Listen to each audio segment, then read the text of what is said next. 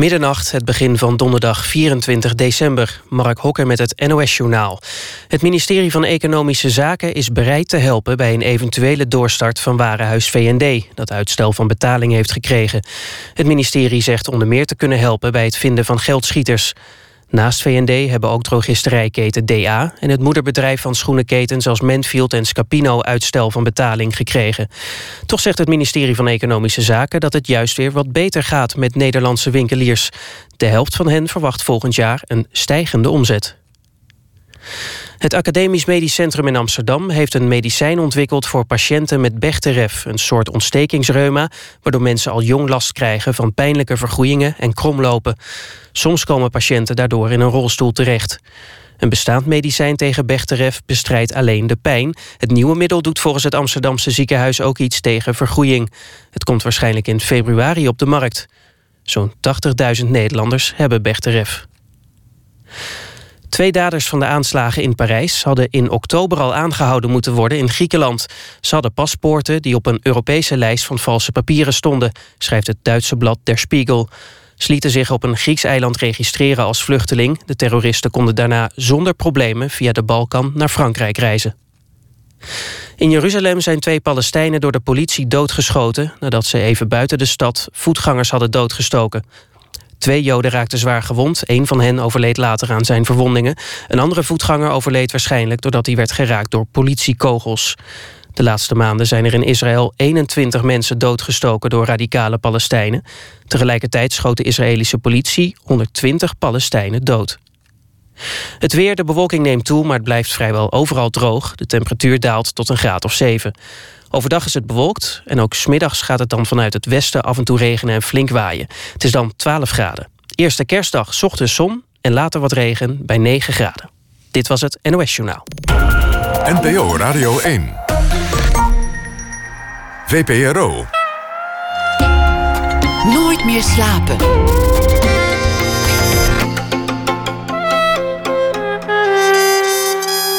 Met Pieter van der Wielen.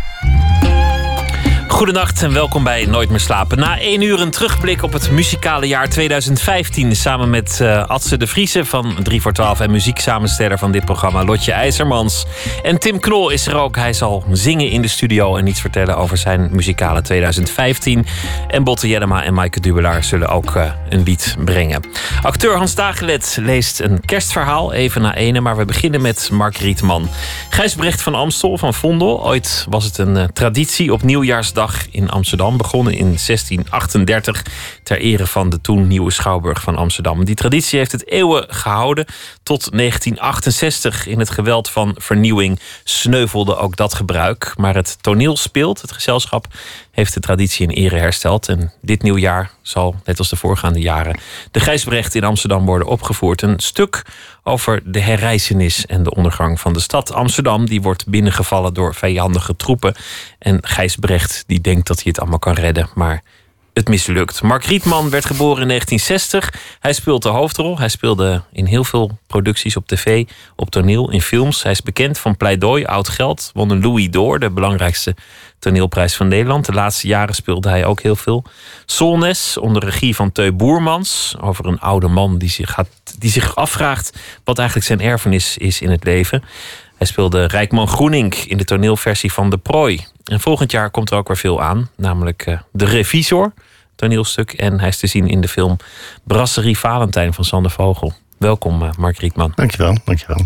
Wat was het voor jaar 2015? Heb je al tijd gehad om terug te blikken en te denken: Goh, wat was dit eigenlijk voor jaar voor mij? Voor mij? Voor jou? Oh, nou ja, het was, nou, ik denk voor iedereen wel een wonderlijk jaar. Gewoon wat er in de wereld allemaal gebeurt. En voor mij, uh, ik heb mooie dingen gedaan, wel mooie dingen gespeeld, zoals die Solnes eh, bijvoorbeeld. En nu zo de, de Gijsbrecht. En we zijn aan het repeteren aan de revisor. Waar, uh, waar ik trouwens een Syrische vluchteling in speel. Dus het hele vluchtelingendebat. Uh, de, de, revisor is een, een, een, Russisch stuk van Gogol uit de tijd van Tsjechov. Maar de Boermans, regisseur, heeft het helemaal bewerkt. En uh, naar nu gehaald. Het speelt dus in een, uh, een Brabants stadje. Waar de melding komt dat er een revisor binnenkomt.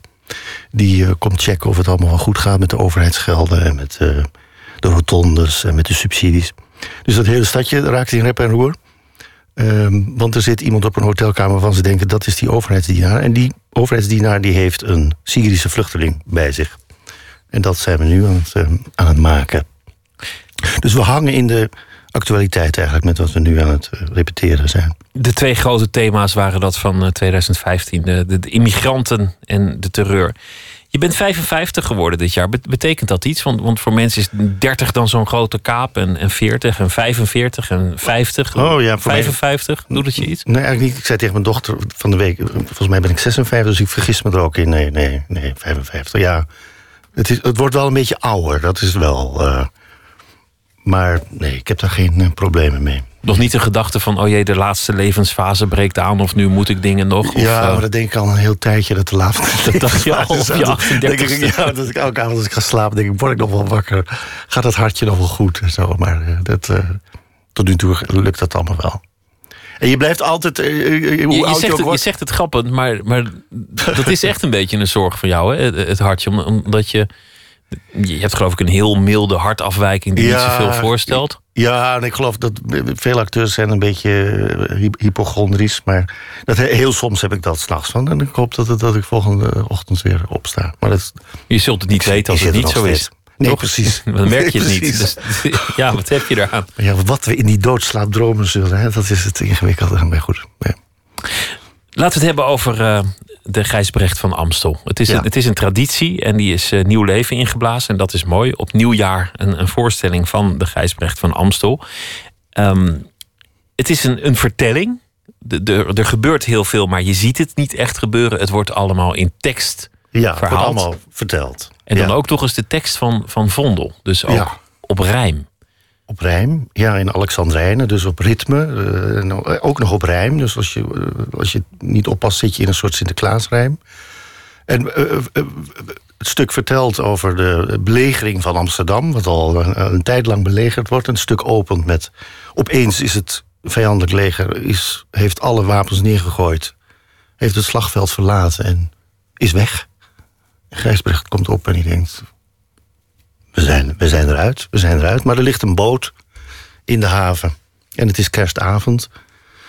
En Gijsbrecht is overmoedig en die denkt... eh, we- we- de- vijand is blijkbaar weg. We halen die boot binnen, want eh, we, hebben wel wat hout nodig. We kunnen wel wat, eh, wat, wat vuur stoken. En daar zit de vijand in. En dan wordt het nog erger. Een soort paard van Troje. Ja, Of, of het, eh, het turfschip van Breda. Dat is, dat is ook zo'n eh, Ja, zo'n- traditie. Ja. Een echte tragedie. Hij denkt, ik doe het goede. Ja, En juist dat wat hij wil vermijden, dat, dat haalt hij binnen. ja. En daarmee is Gijsbrecht ook een fascinerende man om te spelen. Want, want hij is in eigen ogen de held. Maar het blijkt uiteindelijk de sukkel. Eh, de- totaal de sukkel, ja, ja. En uit een groot verantwoordelijkheidsgevoel... en ook wel uit het gevoel, denk ik... of eh, zo heb ik het in ieder geval een beetje geïnterpreteerd... als iemand die eh, al een tijdje in de macht zit. En, eh, en dan kun je een soort mengeling krijgen van verantwoordelijk voor voelen... voor, voor je onderdanen, zou ik maar zeggen.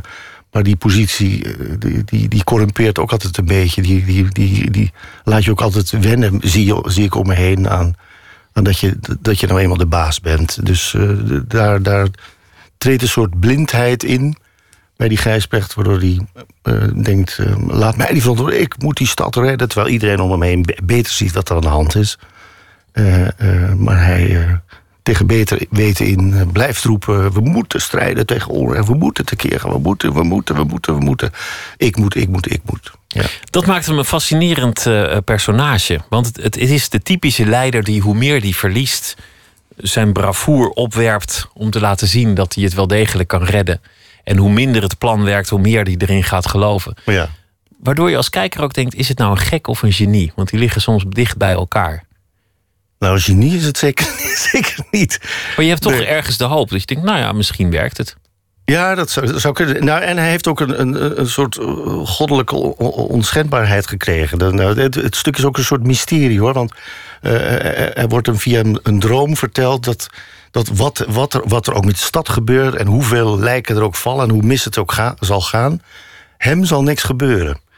Dus hij, hij, loopt als een soort alien eh, met, met zijn zwaard door die stad heen. En eh, iedereen valt om hem heen eh, dood neer, behalve hij. En dat weet hij ook. Dus in die zin, ja, het, het, is, het is ook een, een, een raar soort droom of, of nachtmerrie, het stuk. Een, een, een, En een, ehm, ja, een vertelling ook over, over, eh, eh, over waar is God als je hem nodig hebt. Ja, want hij roept, hij roept de hele tijd God aan, maar God denkt, ja, bekijk het maar. Die komt niet, of dan doet, doet iets anders. Ja, het ja. lot is hem niet gunstig gezind. Mhm. De mensen die kijken op hun beurt naar, naar de leider Gijsbrecht, maar dan moet je je lot ook niet in handen leggen. Want eigenlijk lijkt het als Vondel, alsof Vondel heeft willen zeggen, je moet niet al te veel geloven in leiders en, en goden. Je moet het zelf doen. Je moet op jezelf teruggeworpen zijn. Ja, hoewel hij natuurlijk eigenlijk eh, het, volk eromheen niet zo echt aan het, aan het woord laat. Behalve zijn vrouw, die, die, eh, die het huwelijk verdedigt, zou ik maar zeggen. En die, eh, die, die zegt, stap hier uit en zorg voor je kinderen, zorg voor mij. Ehm, maar ja, misschien, misschien is dat wel een uitspraak van Vondel. Dat hij denkt, eh, laten we op ons eigen oordeel afgaan... in plaats van eh, de leider te volgen. Ja, want in dit geval hadden ze dat niet moeten doen. Het zijn vaak dit soort mannen die jij speelt. Mannen met een, met een worsteling. Mannen die, die een, een strijd aangaan die niet zozeer buiten zichzelf ligt, maar vooral in henzelf ligt. Rijkman Groening, zoals die geïnterpreteerd werd in het, in het stuk. Solnes, de, een, een oude architect met een te jonge liefde die terugblikt op zijn leven. Het zijn vaak mensen die vooral het gapende gat van wanhoop in hun eigen karakter ontmoeten. Ja, dat is waar. Dat is waar. Nou ja, hoewel ik niet weet of, of, of, of, Groening, of in, in dat stuk dan, in de verbeelding van die man, of hij nou heel erg eh, een, een, een naar binnen blik had. Maar ik moet opeens denken aan, aan eh, de regisseur van eh, Oud Geld, die er niet meer onder ons is, Willem van der Zanden Bakhuizen. En die, die zei, vond ik altijd een interessante opmerking. Drama gaat eigenlijk. Mensen hebben niet de grootste dramatische gevechten met eh, onderling, maar met zichzelf eigenlijk. Vaak is dat. Dat is wel vaak zo, ja. En eh, blijkbaar moet ik wel vaak van dat soort mannen spelen, ja. Die, En dat is voor een acteur extra moeilijk als de vijand niet duidelijk buiten jezelf ligt. Als je de eye van ho tegen je ego bent. Ja, maar je moet dus op straat rondlopen. Als je, als je mensen. eh, Met, je ziet altijd eh, mensen in hun eigen probleem zitten. Vaak is dat ook zo. Als je, als je even iets meer afstand zou kunnen nemen van wat er allemaal in je hoofd aan monsters en aan zorgen en aan. Doe ik dit wel goed? Kan ik dit wel? Wat heb ik eigenlijk met mijn leven? Moet ik dit. Als je, als je even zou kunnen opstijgen. En, ik zie dat ook wel om me heen. Dat is, ook, vaak, vaak, dat is wel zo. Vaak hebben mensen grootste problemen eigenlijk intern met zichzelf dan met. En dat, dat veruiterlijkt zich soms omdat dan denk ik de, de ander de schuld gaan geven. Maar het probleem zit eigenlijk bij jezelf. En dat maakt het fascinerend, zeker op het toneel. Ja, en herkenbaar. En herkenbaar, denk ik ook. Ja, bijvoorbeeld Solnes, een man die, die eh, totaal ambitieus en een talent voor een architect, die, die zijn hele leven eigenlijk ge- gezet heeft op. eh, ik moet succes hebben als architect. En eh, door roeien en ruit is gegaan. en mensen om zich heen eh, daarmee om zeep geholpen heeft, bijna. En aan het eind met, een, met een leeg innerlijk staat. En denkt, was dit het? En dan, dan denk je, ja, je hebt maar één leven te leven. Hoe ga je dat inrichten? En daar zijn stukken voor, om dat aan de mensen aan te brengen. Om dat soort vragen te stellen. Zodat mensen kijken en denken... Ja, hoe, hoe doe ik dat in mijn leven? Ik zag vandaag eh, managers van, eh, van V&D... die, die Ja. toch nog een soort reddingsplan hadden. Terwijl iedereen eigenlijk al dacht van... nou ja, oké, ik, eh, ik moet voortaan ergens anders naartoe voor mijn... wat verkopen ze daar eigenlijk? Sokken, Ja, van alles, hè? Ja, ja, van alles. Nee, Van dan, alles, dan moet ik voortaan ergens anders kopen. En ik, ik zag, gisteren zag ik die, die, die blatter en, en die ander die, die waren afgezet. En die, die, die ook zo'n innerlijke worsteling hadden. En dan Ja. ook nog net een foutje bij het scheren of wat was het? Zo'n pleister. veel dikker geworden. Denk aan de medicijnen, zich niet geschoren. Je ziet het. eh, en, en, en, en totaal verontwaardigd uitroep. Wat kunnen jullie, ik heb 40 jaar van mijn leven hier aan gegeven. Hoe kunnen jullie mij dit afnemen? Dus niet meer het overzicht hebben dat wat er ook gebeurt is. Ook al had hij het allemaal netjes en goed gedaan. Wat natuurlijk niet zo is. Dat, je, dat, dat op een gegeven moment je tijd is gekomen. En dat het dan ook groot is om dan te zeggen... Oké, daar ga ik. François Hollande, ook zo'n man. Die, die steeds grotere woorden bezigt naarmate de peilingen hem... eh, nou ja, nog net niet in het negatief. Maar Ja, ik geloof ja. dat zo'n beetje niemand nog op de man stemt. En, en zijn, zijn aplomb wordt alsmaar groot. Het zijn eigenlijk allemaal eh Gijsbrecht van Amstels. Ja, en die Franse presidenten die moeten altijd een soort. Die, die- dat zijn altijd een soort hele slechte acteurs, vind ik dat. Die hebben een soort. Dat is ook die taal. Dan, dan gaan ze totaal eh, alsof ze ook in taal spreken die uit stukken van 300 jaar geleden zijn. Het is altijd fascinerend om die Franse presidenten te horen speechen. gaan uh, het zo meteen maar eens hebben over uh, de worstelingen in je eigen bestaan en in je eigen acteurschap. Oh, fijn. Maar de, het is ook een beetje het uh, terugblik op het muzikale jaar dit, deze avond. We gaan luisteren naar Leon Bridges met Coming Home.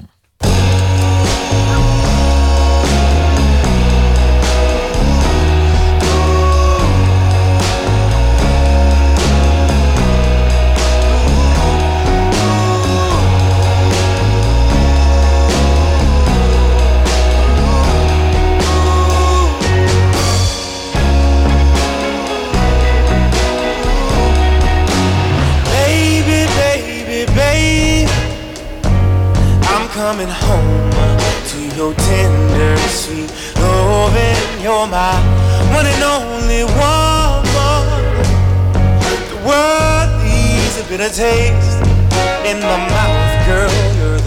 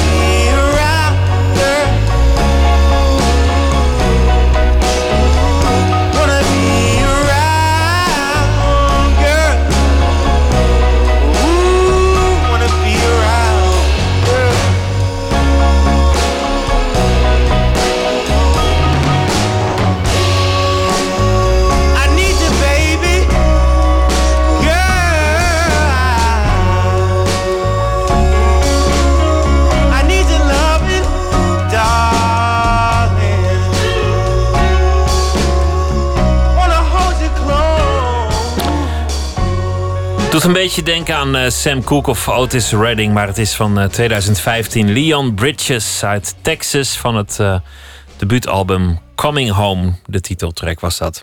Mark Rietman zit tegenover mij. Hij eh, zal eh, de rol vertolken van Gijsbrecht van Amstel in Amsterdam door het toneel speelt in het nieuwe jaar. Een eh, traditie die aan ere is, eh, hersteld. Je zei net een, een beetje voor de grap, ja, eigenlijk eh, elke acteur is een hypochonder. En voor het slapen gaan, dan denk ik toch, word ik morgen nog wel wakker? Nou, Dat was een beetje een grapje, toch? ja. Maar jouw vader die had wel, had wel degelijk eh, hartklachten. En die heeft het ook niet heel lang volgehouden op planeet Aarde. 73.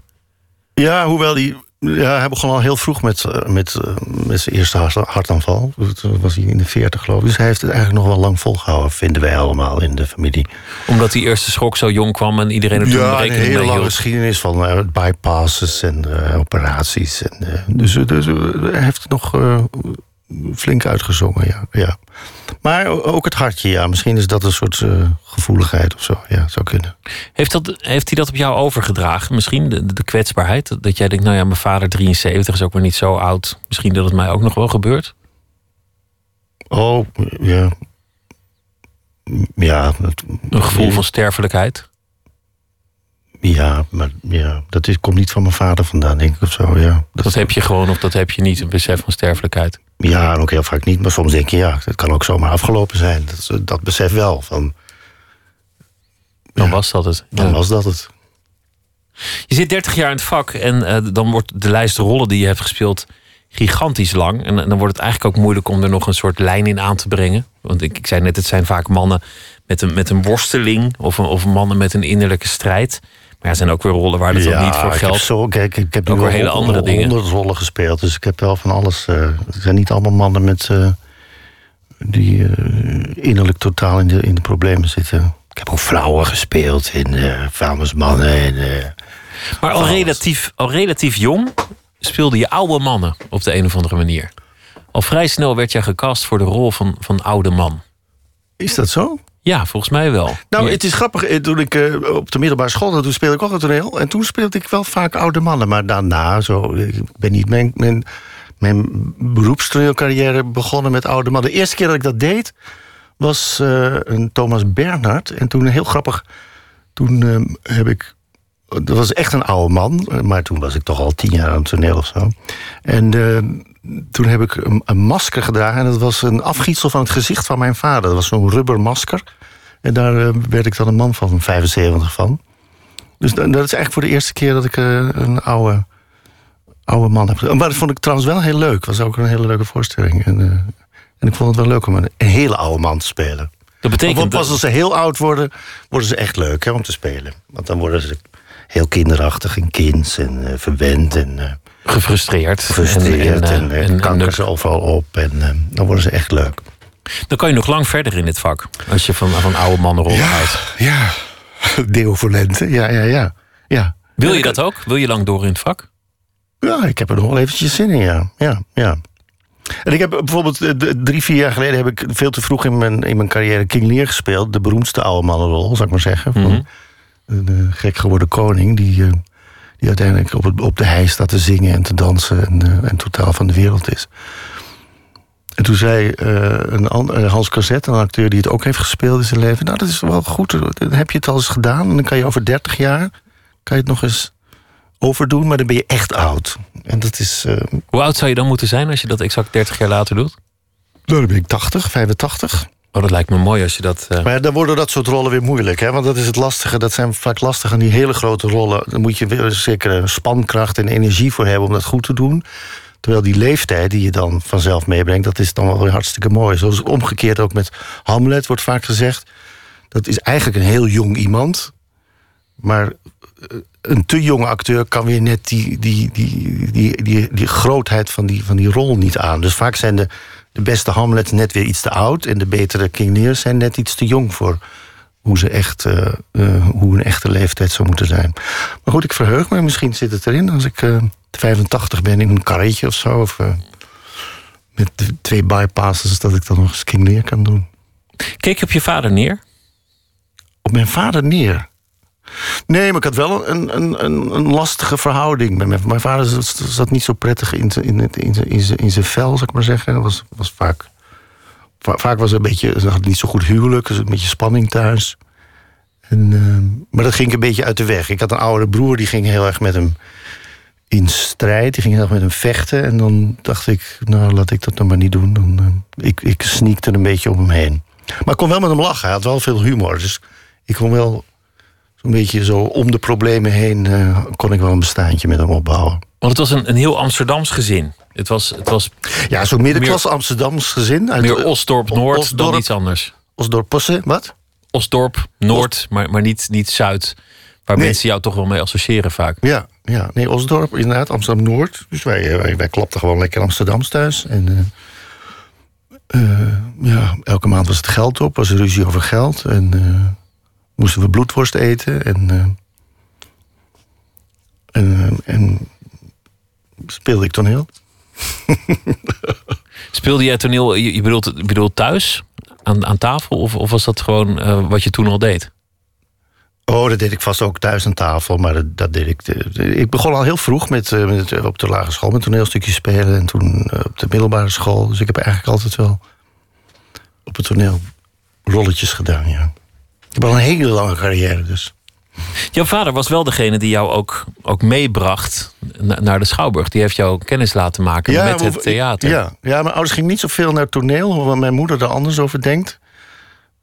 Maar eh, die- ze namen me eigenlijk mee naar, naar de, de, de cabaretiers, naar Toon Hermans en eh Sonneveld en eh, Wim Kan. En dan zat ik in Carré, zaten we bovenin, want we waren niet rijk, dus zaten we helemaal bovenin.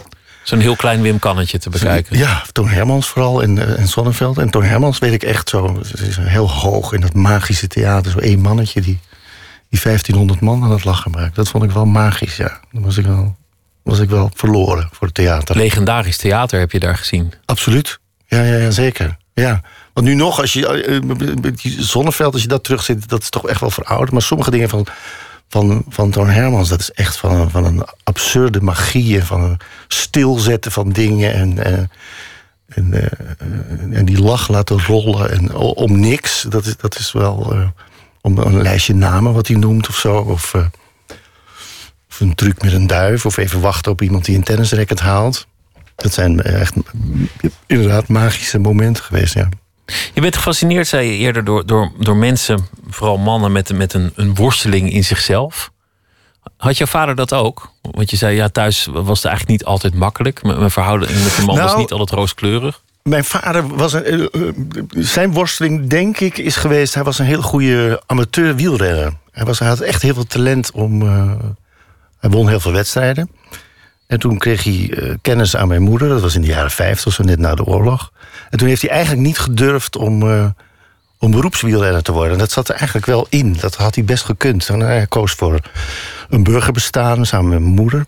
En dat heeft hem volgens mij die, die kans die hij niet gegrepen heeft in zijn leven. En toen werd zijn. zijn Toen heeft hij zichzelf veroordeeld tot, tot een wat saaier bestaan. Of een wat minder groots leven.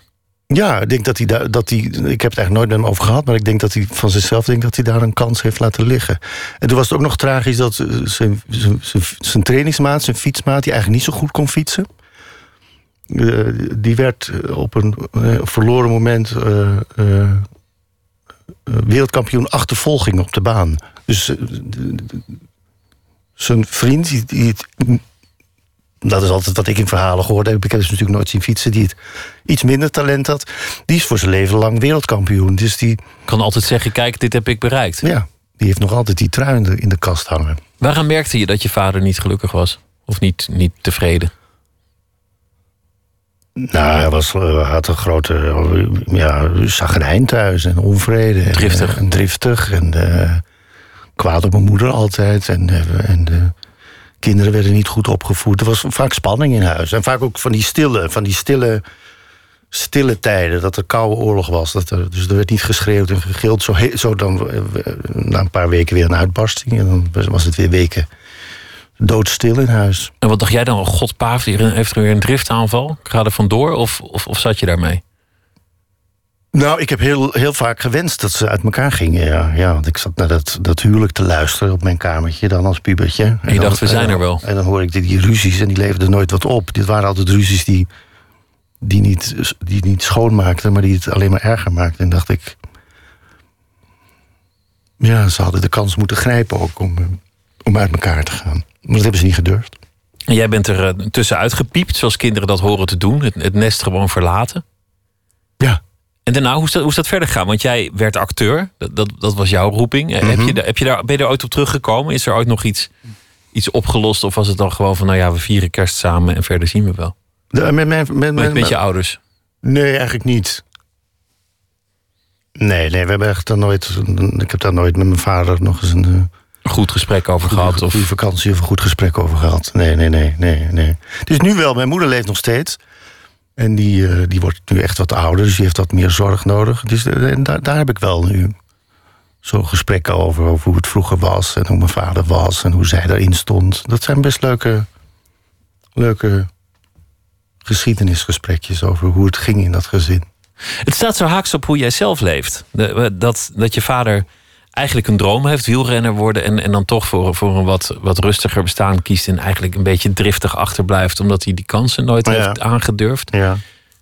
Jij hebt wel echt de drang om, om het heel goed te doen... het heel groots te doen, of het dan maar niet te doen. Je, je bent absoluut bang voor, voor de afgrond van, van het alledaagse. Van het middelmatige. Nou, maar daar zit ik ook middenin hoor. Ik bedoel, ja, ik heb misschien een leuk beroep, maar... ehm, Nou ja, in je werk in ieder geval. Verder heb ik er niet zoveel zicht op. Maar in, je- in je werk lijkt je, lijkt je de middel... Je bent zelfs een keer gestopt. ja, En to- toen heb je tegen iedereen die het wilde horen gezegd... Ik, ik, ik kan niet zo doorgaan, an- anders wordt het me te alledaags. Het, Nee, dat- nou, ik ben ook wel gefascineerd door middelmaat, moet ik eerlijk zeggen. Dat klopt wel.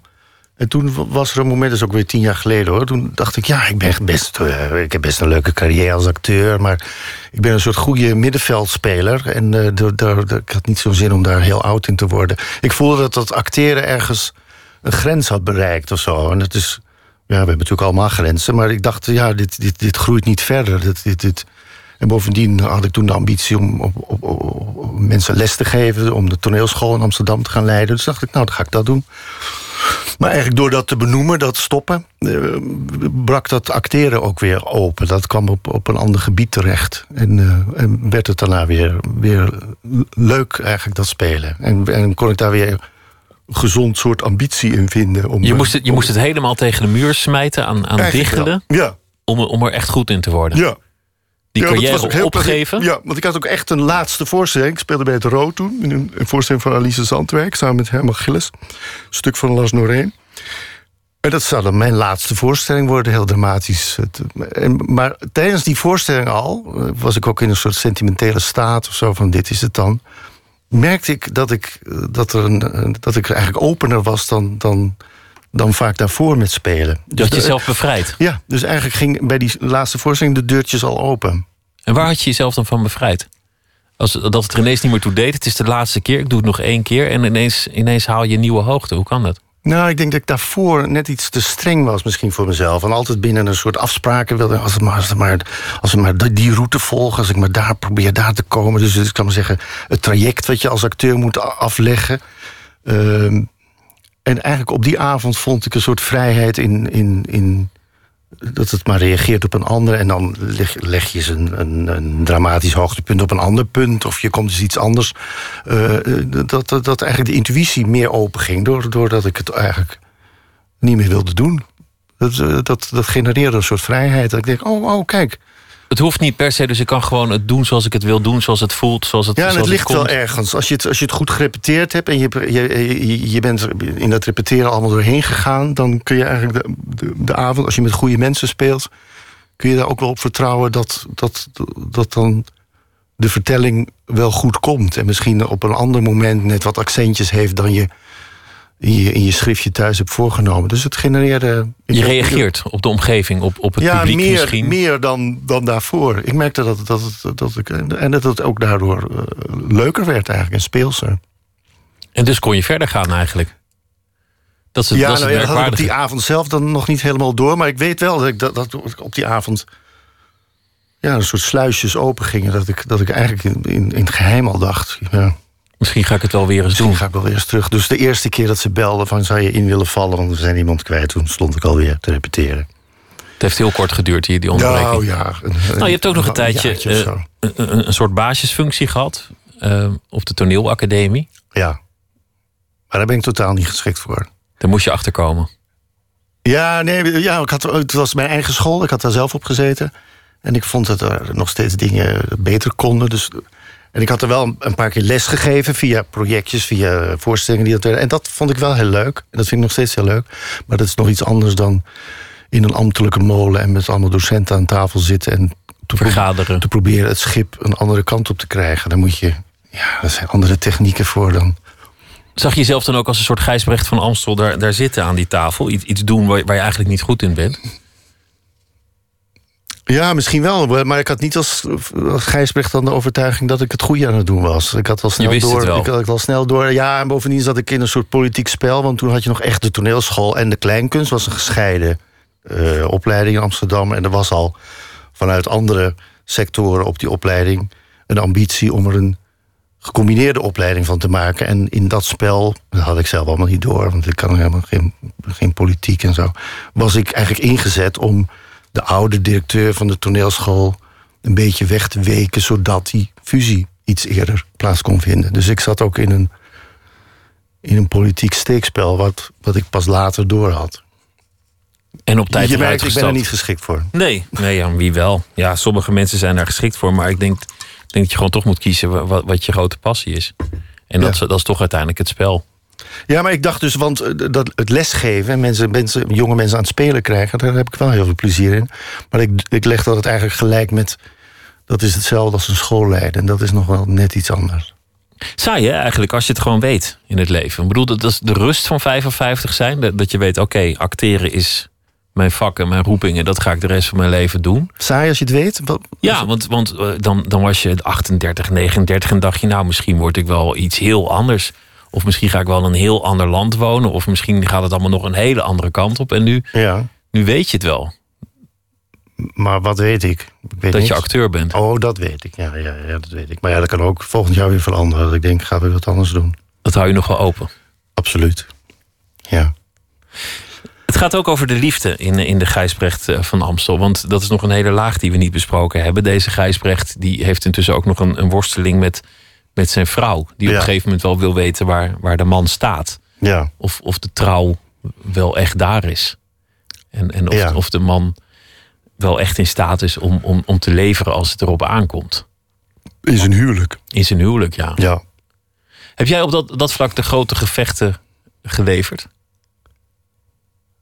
Nu je 55 bent. Je, je, Ja, ik heb wel relatiegevechten geleverd. Ja. ja, ik heb wel grote gevechten geleverd. Groot, ik weet niet, heel normale ook. Maar en waar dingen mislukken en lukken. En, eh, dus in die zin heb ik dat potje ook weer gevuld om mee te spelen, zou ik maar zeggen. en nu? En nu? En nu? Wat en nu? nou, hoe is het? Je, je, hebt, je hebt dan, zeg maar, je, je bent ge- getrouwd. Het is, het is mislukt. Nou ja, dat, Ik dat ben nooit gebeurt. getrouwd geweest, hè? maar goed. Ja, Nou ja, Dat- je hebt een lange relatie en Ja, het, is gekletterd. En je, en je hebt je, je gezin achter je moeten, moeten laten. En nou ja, die dingen die, die gebeuren. Ja. Dan, dan heb je daarmee een, een groot gevecht geleverd. En dan ben je op een zeker ogenblik 55 en dan is er een soort rust wedergekeerd in je leven. ja, dat weet ik niet. Of, Of niet? is. Dat is eigenlijk een vraag. Is er dan rust? Ja, het is best rustig. En ik heb leuke mensen om me heen. En ik, eh, ik ben ook heel goed met mijn ex. En met mijn kinderen gaat het heel goed. Dus eh, ja, misschien is dat wel rust. Nou ja, het, het heeft ook te maken met, met, met dingen op je hals halen. En waarvan je denkt van nou, hier moet ik misschien aan, aan gehoorzamen. Of, of dingen waarvan je denkt, nou ja, dit, dit kan ik niet. En dat, je- dat je het op een gegeven moment weet hoe je het moet doen. En, en ik vraag dit omdat je het in je werk hebt gehad van. van je moest eer- eerst ergens van af om er daarna goed in te worden. Ik Ja. vraag me af of dat ook op andere vlakken geldt. Bijvoorbeeld de liefde. Nou, de liefde ben ik niet zo'n goede student, denk ik hoor. Nee, dat, dat, dat, dat is een eeuwige zoektocht. Maar dat is ook spannend. Dat is ook leuk aan de liefde. Dus, eh, Dat zal altijd rommelig blijven, bedoel je? nou ja, rommelig. eh, in beweging. Ja. Misschien vinden anderen dat rommelig, maar dat vind ik niet rommelig. Nou ja, rommelig in de liefde kan ook heel vrolijk zijn, juist Ja, toch? dat is ook heel vrolijk. Ja. Heel veel energie geeft dat ook en zo. Ja, dat is leuk. Lijk je op je vader inmiddels? Ik heb geen idee. Ik, denk, ik hoop het niet. Nou ja, ben, je, ben je driftig bijvoorbeeld? Want je, je, omschrijft je vader als, als een soms wat driftige zeker, man. zeker driftig zijn, ja. ja, ja, ja. Op wat voor momenten en wat gebeurt er dan? Wat voor momenten? Eh, ja, in mijn werk kan ik ook driftig zijn. Als ik denk... eh, Als het niet goed gaat. Als het te lang niet goed gaat, ja. Als ik te lang denk, waar zijn we nu eigenlijk mee bezig? Dan kan ik eh, opeens eh, opstaan en zeggen... en nu stop, wat zijn we aan het doen? Ja. Maar dat, dat is nog niet driftig als je zegt en nu stop. Nou, wat, gaan, wat ik- zijn we aan het doen? Ik, ik, ik doe nu niet de klank erbij die dat heeft. En, Maar gewoon echt, echt, en het echt vloeken wat ik erbij doe en bulderen. En, eh, En de- denk ik je heb dan van ook die van, momenten gehad ja? waarvan ik dan achteraf denk... nou, dat had ook wel net iets tactischer gekund. Maar goed, het zijn ook eh, wel louterende momenten in een repetitieproces... dat je soms, soms moet je even op de rem trappen en zeggen... hallo, hallo. Ook voor jezelf soms, of voor, eh, ja, of voor het hele product. Herken je dan, herken je dan je oude heer? Als je, als je jezelf driftig ziet, moet je dan ook denken aan, aan die tafel thuis? Van, oh god, nou doe ik het zelf ook? Of, Nee, maar ik, ik heb de indruk dat ik mijn drift wel creatief gebruik of zo. En dat vond ik niet dat hij deed. Hij deed dat niet creatief. Je was alleen maar gefrustreerd? Ja, dat, dat, dat vrat alleen maar aan hemzelf en aan ons. Dat was niet. eh, En ik probeer het wel. Ja, in de, in de creativiteit te houden, dat het iets oplevert. De woede. De woede, dat het, dat het ergens naartoe gaat. Ja, voor zover je dat in, in woede nog kunt, richting bepalen, toch? Absoluut, kun je zeker. Ja, Zeker. Hoe dan? Nou, je kunt toch je hoofd bijhouden. Je hoeft toch niet eh, totaal in waanzin door de ruimte te schieten. Je kunt heel goed. Je, woede is juist ook een grote motor om eh, je- ja, dat je hartstochtelijk over iets bent. En denkt, eh, nee, dat moet niet zo, dat moet zo. En dan mag ik het even uitleggen hoe dat moet. Of dit vind ik hiervan. Ja. Ge- Gestuurd door woede. Gestuurde woede, ja, dat, dat, is ook, dat is ook een kunst. En voor een acteur ook iets om, om heel goed te kennen. Dat, dat is volgens mij iets wat, wat uiteindelijk in elk karakter lading geeft. Is, is de onderdrukte woede, de gestuurde woede, de ongestuurde woede. De woede waarvan je vermoedt dat die er is, maar die niet naar buiten komt. Ja, zeker, zeker, zeker. Maar nog wel meer emoties. Hè? Als je alleen maar woede in je pakketje hebt, dan... Word je een eenzijdige acteur, dan word je een soort Sylvester Stallone of zoiets. Ja, daar ben ik geen kenner van. Maar misschien, ja, ja nee, er, er moet wel wat meer aan de hand zijn dan... eh, dan Teun Boerband zei, het is een acteur waarvan je altijd vermoedt dat er een groot geheim zit. En dat bedoelde hij als een compliment. Ja, maar dat heb ik wel vaker gehoord. Dat, dat, dat, dat, is- dat klinkt ook altijd net alsof ik dingen speel... waarbij alles onder de tafel blijft. En dat is helemaal niet zo. Ik zie dat zelf helemaal niet zo. Ik vind het wel een leuk compliment, hoor. En ik, ik begrijp ook wel Dat iets is wel een van. fascinerende uitspraak, vind ik. Ja, ja, maar je kunt ook horen van wanneer komt hij eens over de brug. Nee, volgens mij bedoelde hij het niet zo. Laten we gaan luisteren naar ehm, nog zo'n plaat van eh, 2015. C. Duncan was eh, een schot en ook een van de betere muzikanten van het afgelopen jaar. Een album, Architect. En daarvoor kreeg hij onder meer de Mercury Music Prize. En het nummer heet C.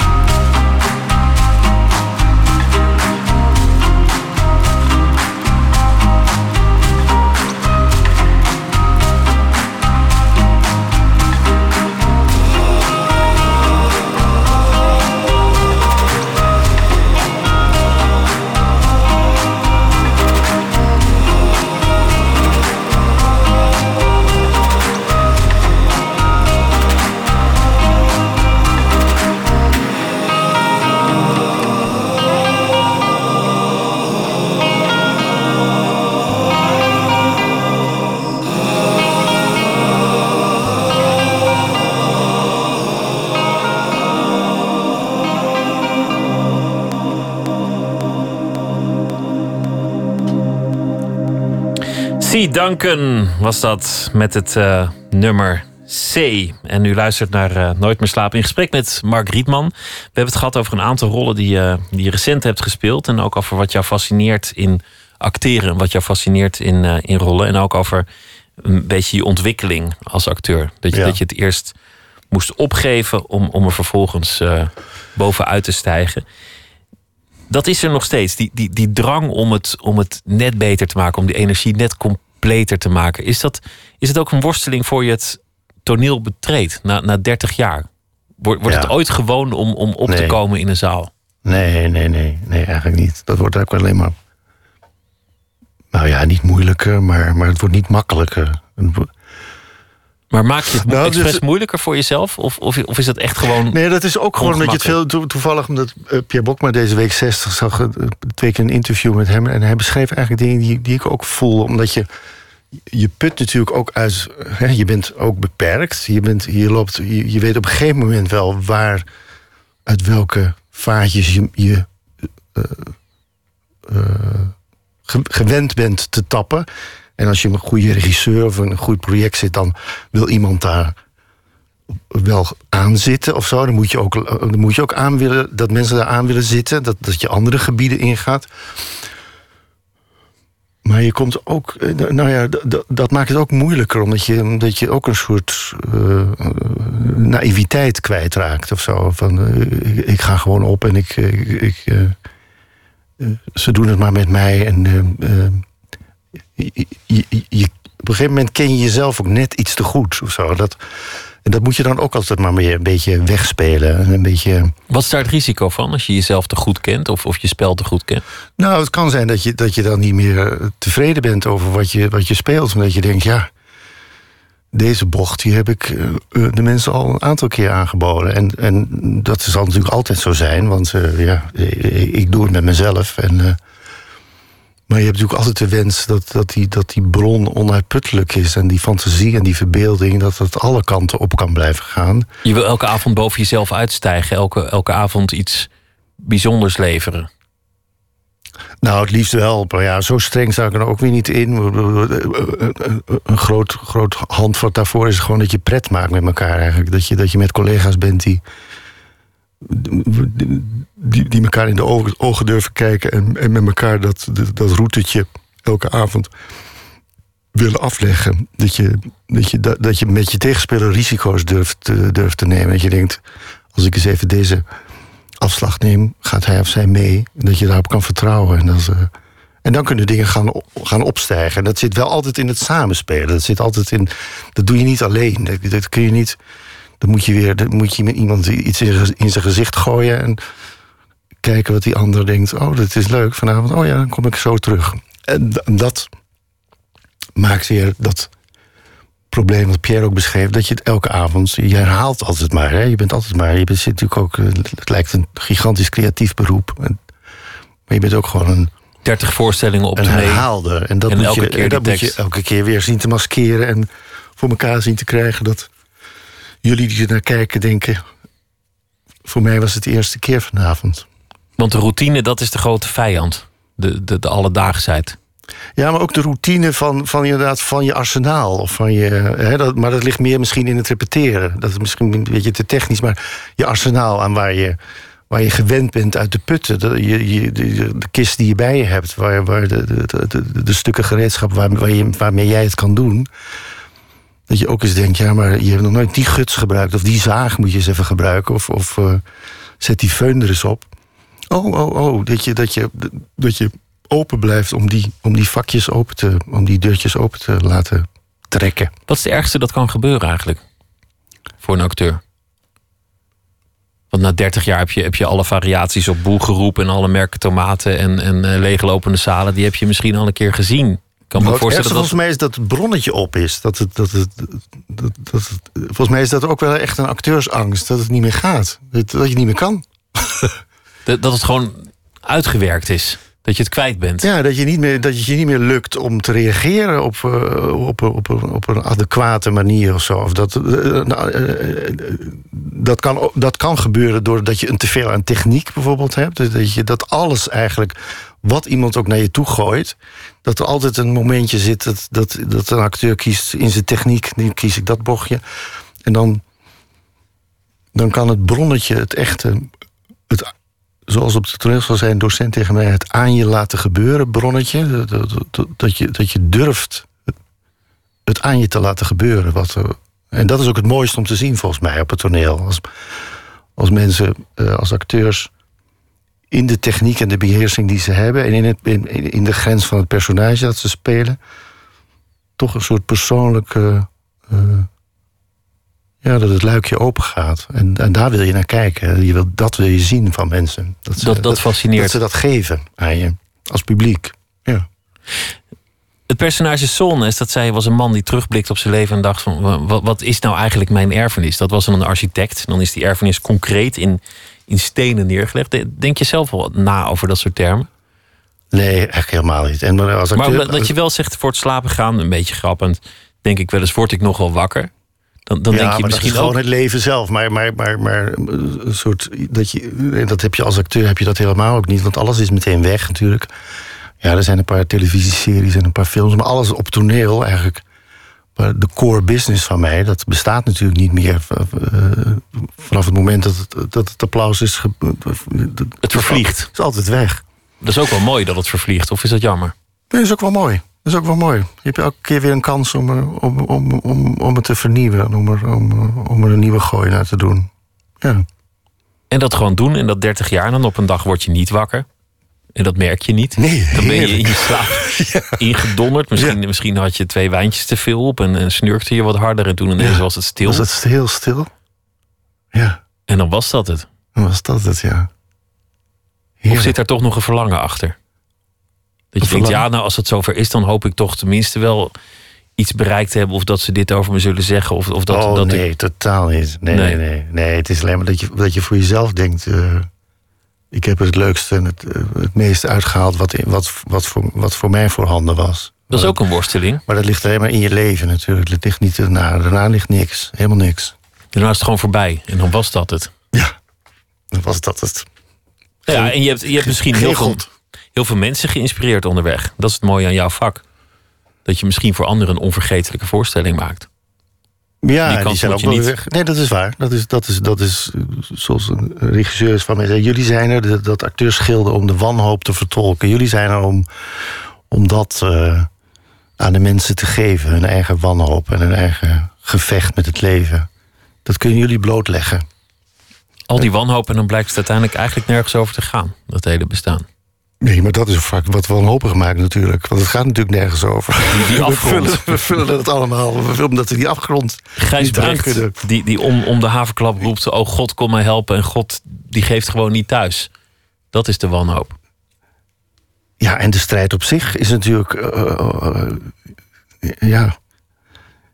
Niks heeft waarde natuurlijk. We zijn hier maar een beetje geplant en we hebben een beetje bewustzijn gekregen, waardoor we juist die problemen hebben van waar gaat het eigenlijk over? Waarvoor ben ik hier? Wat moet ik verrichten? Waar, hoe vul ik het? Wat, wat, wat, wat doe ik ermee?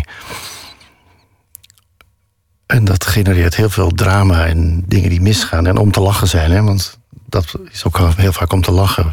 De ambities van mensen en de hartstochten. En En dat is de bron van alle theater. Vanaf nieuwjaar te zien in Amsterdam. De Gijsbrecht van Amstel en ook nog eh, de dagen daarna. Mark Rietman, dankjewel. Ik wens je heel veel eh, plezier. Ook Dankjewel. vooral eh, daarbij. We vroegen de luisteraars naar de culturele hoogtepunten van 2015. De boeken, albums of toneelstukken, films die bijblijven. We horen twee inzenders. En dat was Jet van Vuren en Harro van Aalderen. Met dat ik die cd aanzet, krijg ik energie en krijg ik zin in het leven en krijg ik een soort van ruimere blik op de dingen. Luisteraar Harro van Aalderen hoorde de CD Yunun, een samenwerkingsverband tussen culturen.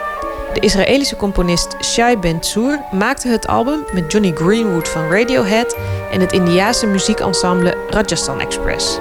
Nou, ik vind het heel verfrissend om eh, die Oosterse muziek te horen en de energie die daar uitstraalt. En dat is eh, eigenlijk een verrijking voor mijn, eh, voor mijn eigen muziekkeuze, zeg maar. Want veel westerse muziek is heel, eh, heel erg vormgegeven en gecomponeerd. En ik heb hier meer het gevoel bij dat het direct geuit wordt en dat het spontaner is. De spontaniteit spreekt me heel erg aan.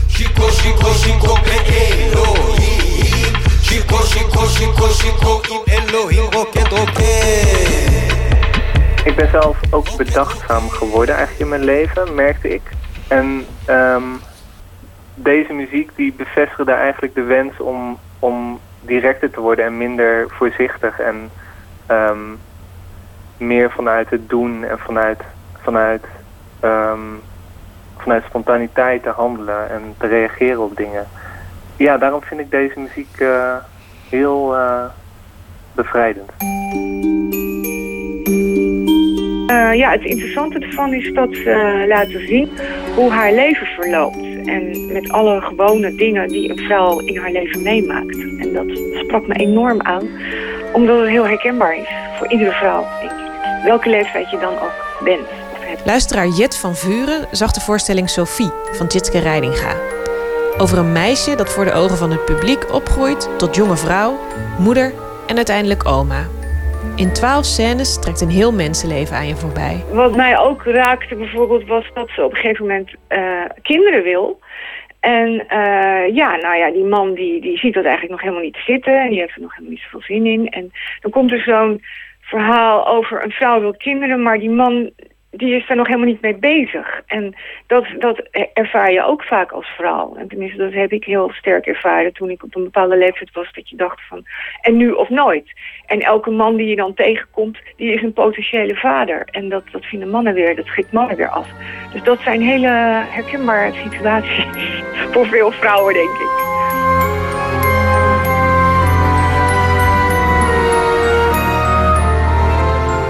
Het is... Uh, ja, iets waar ik zelf in mijn boeken ook vaak uh, uh, ruimte voor bied. Voor die strijd die vrouwen hebben als het gaat om ja, die man in hun leven, de kinderen waar ze mee omgaan en hun moeder als vrouw ben je eigenlijk, het vertolk je zoveel rollen. Je bent de verzorger, je moet een minnares zijn. Je moet uh, goed voor de kinderen kunnen zorgen en ze opvoeden. Je hebt zoveel taken. Dat is soms heel vermoeiend. En sommige vrouwen in mijn boeken, die hebben daar geen zin meer in. En die gaan daar dan iets, uh, iets mee doen, wat niet helemaal door de beugel kan. En dat, uh, dat vind ik dan leuk om over te schrijven.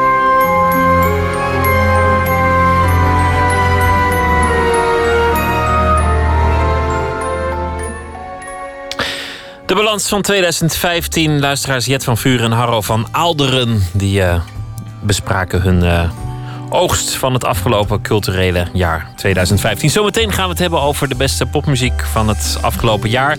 Dat doen we met uh, onze eigen muzieksamensteller en eindredacteur Lotje IJzermans.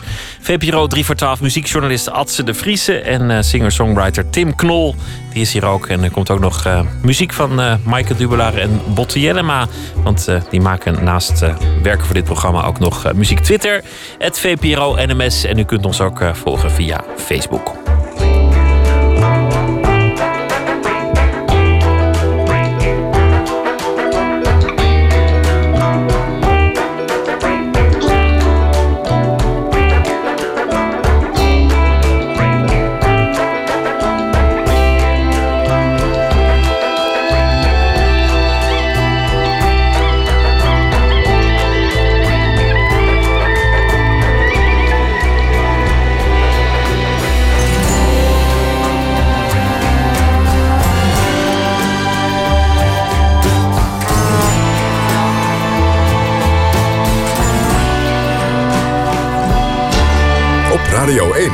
Het nieuws van alle kanten.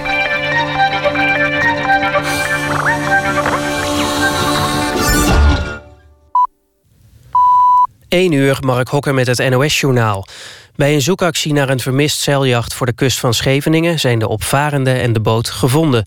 De schipper is omhoog getakeld in een helikopter... en vervoerd naar het ziekenhuis. Over zijn toestand is nog niets bekend. De man was afgelopen middag vertrokken... en zou rond etenstijd thuis zijn. In de avond werd alarm geslagen. De Nederlandse reddingmaatschappij zocht met vier schepen... en kreeg daarbij hulp van een helikopter van de kustwacht. Het zeiljacht wordt naar een haven gesleept.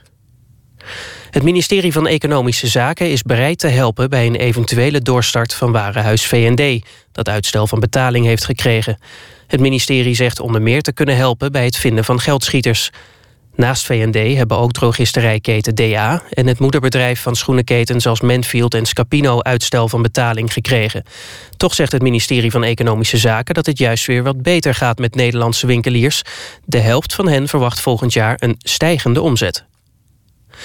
Het Academisch Medisch Centrum in Amsterdam heeft een medicijn ontwikkeld voor patiënten met Bechteref, een soort ontstekingsreuma waardoor mensen al jong last kunnen krijgen van pijnlijke vergroeien en kromlopen. Soms komen patiënten daardoor in een rolstoel terecht. Een bestaand medicijn tegen Bechteref bestrijdt alleen de pijn. Het nieuwe middel doet volgens het Amsterdamse ziekenhuis ook iets tegen de vergroeiing. Het komt waarschijnlijk in februari op de markt. Minister Dijsselbloem heeft als voorzitter van de Eurogroep dit voorjaar persoonlijk aangedrongen op het vertrek van de Griekse minister van Financiën Varoufakis.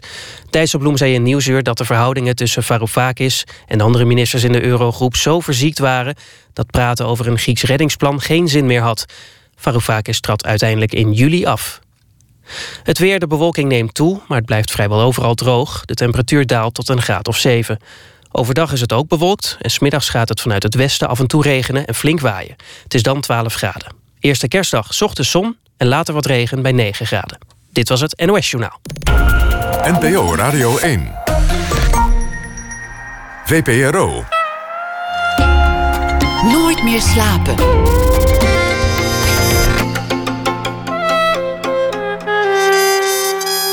Met Pieter van der Wielen.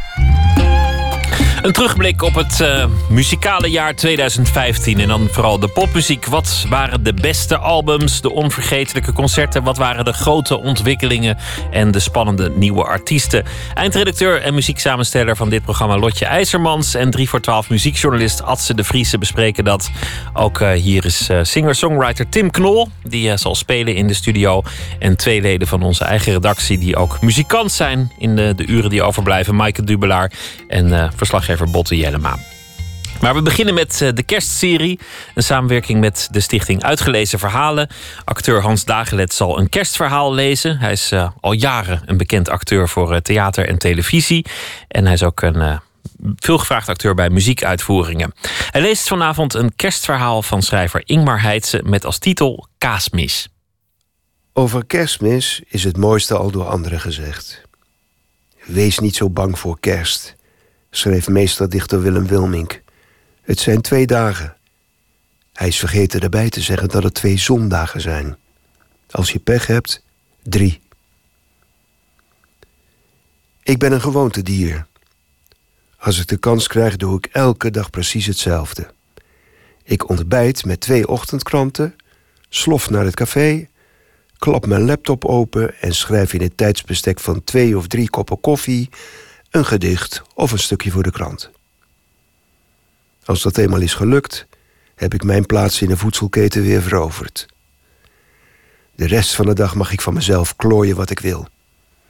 De wereld is te complex om veel meer te verlangen dan een cafétafeltje, schrijfgerei en het gevoel dat ik met die eenvoudige middelen mijn eigen kleine lotsbestemmingje weet te vervullen. Wie zo tevreden kan zijn, heeft de wereld in zijn binnenzak. Totdat de feestdagen toeslaan. Elke eerste kerstdag kunnen Utrechtse gezinnen aan het ontbijt rond 11 uur ochtends een verwilderde dichter door de stad zien dwalen op zoek naar een café dat niet gesloten is. De zoektocht is per definitie vruchteloos. Zelfs de Utrechtse studentenkoordiscotheek Woeloemoeloe die 364 avonden per jaar open is, blijft deze dag dicht. Laat staan de gemiddelde kroeg. Ik weet het al voordat ik de voordeur achter mij heb dichtgetrokken. En toch moet en zal ik de stad inlopen om te gaan zitten schrijven in een café. Met een borrel erbij. Want kerstmis, vind ik, is net zoiets als de tandarts. Met een behoorlijke verdoving hoef je nergens bang voor te zijn. Mijn vrienden, die over het algemeen dezelfde aanleg voor de kerstblues hebben als ik, zijn redelijk bedreven in het overleven van de feestdagen. Wij hebben al een jaar of vier een alternatief ritueel. De kaasmis. Een krankzinnig uitgebreide proeverij die voornamelijk uit diverse soorten kaas en wijn bestaat. Het is ons zelf bedachte alternatief voor het opgelegde kerstgeluk. Een manier om onder elkaar bij te komen van de slopende bijeenkomsten waar niet onderuit te komen viel. Zonder stalletje, zonder gevuld gevogelte, zonder festenachtige familieintriges en zonder stichtelijke lulkoek, maar met kaas. Veel kaas. En als de klokken in de buurt gaan luiden, draaien we Just Call Me Scrooge van Fishbone. Op orkaankracht. Drie keer achter elkaar. Eén keer voor elke wijze uit het oosten. Hoe gezellig en copieus de kaasavond ook verloopt, het lukt me nooit onder dat wezenloze rondzwalktrauma op de ochtend van eerste kerstdag uit te komen. Soms, heel soms, komt alles goed. Jaren terug belandde ik op eerste kerstdag bij een uitgebreide brunch in een vrij nieuw Frans restaurant, niet eens zo ver van mijn huis. Op de eigenaar, diens vrouw en een dronken ober na, bleek ik de enige klant. Het ontbijt stond in de maag. Roerei met veel spek en toast, roombotercroissants, zwarte koffie, verse jus en champagne. De serveerster die me twee uur later uitliet, zei dat ik het niet persoonlijk moest opvatten, maar dat ze dit volgend jaar niet meer deden, tenzij ik vooraf reserveerde voor minstens twintig mensen. Op een van mijn eenzame, verbitterde ochtendwandelingen in de motregen. Een witte kerst komt in het land gemiddeld eens in de 18 jaar voor. En mijn vriendin slaapt deze dagen liefst tot half twee uit. Kwam ik terecht in een wijk die ik niet al te goed ken. Iets voorbij het Zwarte Water, achter de belastingkantoren. Een vergeten stuk tussen Ondiep en Overvecht. Veel verder de stad uit wist ik oud Zuilen te liggen. Met het prachtige slot Zuilen. Maar dat was nog een hele tippel. Bovendien zou ik dat kasteel zeker niet open zijn. De weg naar Uitzuilen loopt langs de vecht over het tamelijk beruchte zandpad. Een kleine kilometer aan woonboten met prostituees, waar dag en nacht een kolonne auto's langstrekt. Een karavaan van middenstandspapavers op springen, op zoek naar een betaalde oase voor het vergieten van één theelepel schuldig zaad. Of misschien wel volmaakt onverschillig zaad. Dat zal ook wel voorkomen. Wie geregeld over de Marnixbrug de stad in of uit moet, weet dat het rosselleven aan de rivier geen rustmoment kent. Wanneer je ook langs rijdt, altijd kruipen er auto's bumper aan bumper langs de rood verlichte woonboten. Ik bedacht dat het een mooi idee zou zijn om te gaan kijken of er zelfs op dit tijdstip van deze dag nog verkeer zou zijn. Of dat zelfs de meisjes van plezier één dag per jaar thuis bij de kerstboom zaten. Misschien mocht ik zelfs wel gewoon ergens aan boord zitten gaan schrijven, als ik het goed uitlegde en genoeg betaalde. In die stallen in Bethlehem hingen toch ook allemaal onduidelijke figuren rond? Waarom zou een dichter 2000 jaar later dan niet naar een varend bordeel mogen met een onschuldig doel als het schrijven van een gedichtje? Ik zag de eerste boten met bijbehorend autoverkeer als bewijs dat er in het leven werkelijk nooit een vrije dag is, al in de verte. Maar toen keek ik per ongeluk naar opzij. Over een vensterbank vol porseleinen hondjes heen keek ik recht in het gezicht van een enorme man en een nog grotere vrouw, die vastgegroeid aan een groezelige bank televisie zaten te kijken.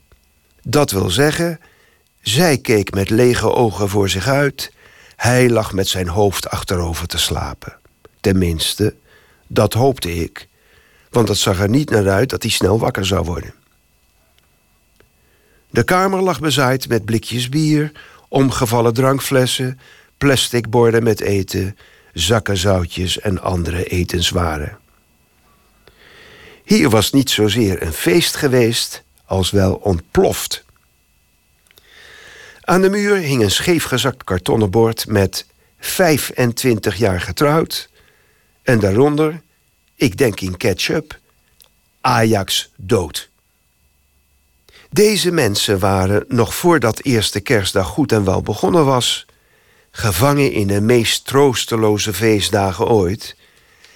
En dat terwijl ze elkaar 25 jaar en één dag geleden hoopvol jaarwoord moesten hebben gegeven. Misschien waren ze diezelfde dag wel in dit huis getrokken. Toen de gordijnen nog fris waren, de muren nog niet geheel gerookt, de kinderen nog klein of nog niet geboren. Kerstmis, zeggen ze, is geen feest. Het is een gevoel dat je toe moet durven laten door je cynisme te laten varen en je hart open te stellen voor de mensen die belangrijk voor je zijn. Volkomen verzoend met mijn lot liep ik terug mijn gesloten stad in om mijn liefste te omhelzen en haar heel lang niet meer los te laten. En niemand hoeft me te geloven, maar vlak voordat ik thuis was, begon het aarzelend te sneeuwen. Hans Dagelet las uh, Kaasmis, een verhaal van schrijver Ingmar Heitz. En dat uh, komt voor in het uh, Groot Kerstverhalenboek, een uitgeverij uh, Marmer productie. Maandagavond 28 december lezen alle acteurs de verhalen nog een keer voor. En dat doen ze in Deventer tijdens uitgelezen verhalen in theaterbouwkunde. Dit uur gaan we praten over de muzikale oogst van 2015. We beginnen met uh, een artiest die al 100 jaar geleden werd geboren, namelijk Billie Holiday. Maar dan niet door haarzelf uitgevoerd, maar een album dat de Amerikaanse zanger Jose James maakte als hommage aan Billie Holiday.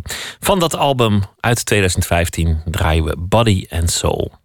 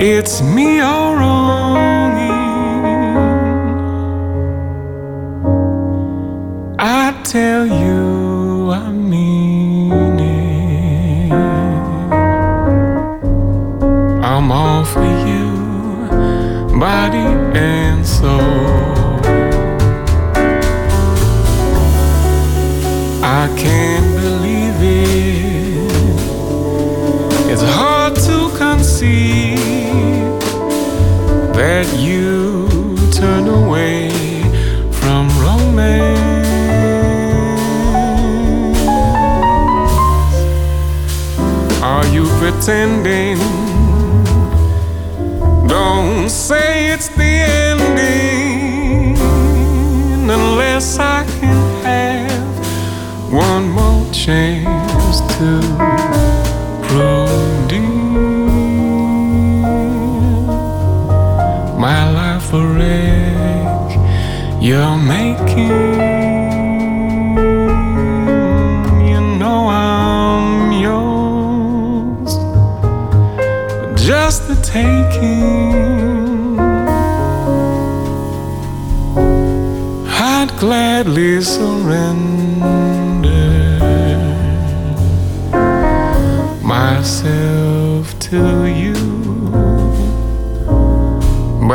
Body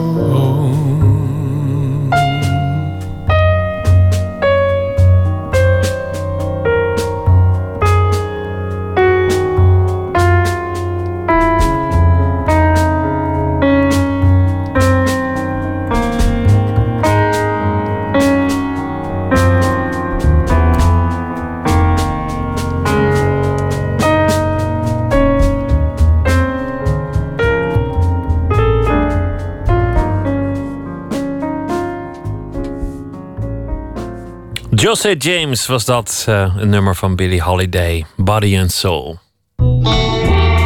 Nooit meer slapen. Het eh, jaar 2015 in muziek. Lotje IJzermans, welkom, eindredacteur van dit programma. En eh, ook verantwoordelijk voor de muziek die we elke dag draaien. We gaan het hebben over de beste platen van het jaar. Van, eh, Ja, maar eerst, 2015. eerst moet jij nog even vertellen waarom we eh José James draaiden, toch? Ja, ja ik, we dachten we gaan kiezen wat dan de, de beste, meest eh, gezaghebbende, belangrijkste, memorabele platen van het jaar zijn. En dan kom je op hele andere dingen uit. Kamasi Washington was, Mhm. vond ik prachtig. Zo'n Ja, want jij bent echt van de jazz, toch? Ik ben van de, de. Ja, ik hou het meest van jazz en, en ook wel van, van soulmuziek. Dat is echt een monumentale plaat. Heel erg tegen de trend dat mensen een liedje downloaden en dat alles korter moest. Zie je dat dan ineens zo'n man komt met een, een heel lang album met hele lange stukken en Ja. alles heel groots. En ik heb hem zien optreden in New York en het was echt een, een belevenis. Maar als je vraagt, ja, wat heb je nou gewoon het meest geluisterd en, en, en wat vond je het mooist? Dan is het een enorm conservatieve keuze, namelijk José James met Billie Holiday. Misschien niet een heel memorabel, bijzonder album, maar gewoon mooi gemaakt en mooi uitgevoerd. En eh, ook zien optreden was gewoon een, een, een fijne avond. Dus ik dacht, ben ik gewoon een keer de conservatief.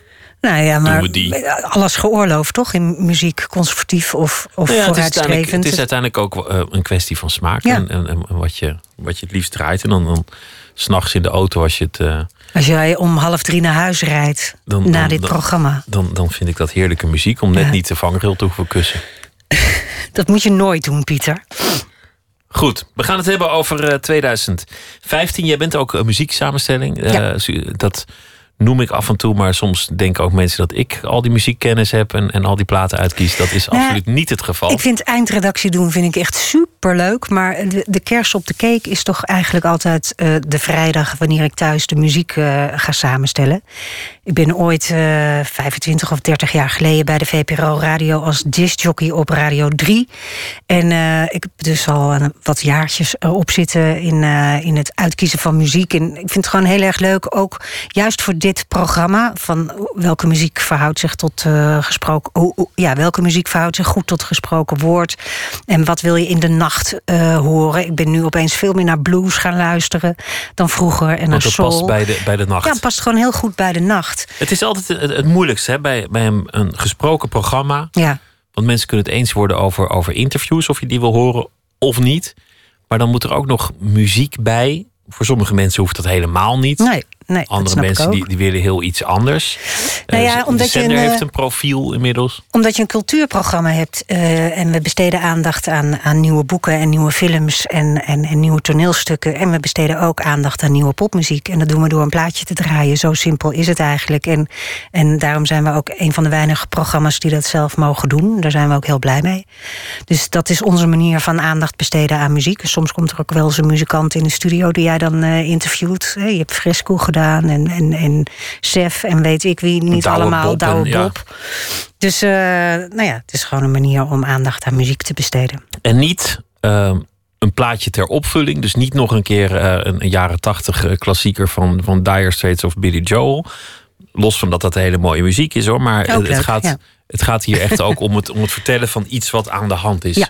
Om, om uit te spinnen. Of, of om een vergeten plaat Ja. uit het stof te trekken. Ja, want soms probeer ik wel eens een, een plaat die iedereen nog kent. En dat, ja, dat werkt dan toch niet echt goed.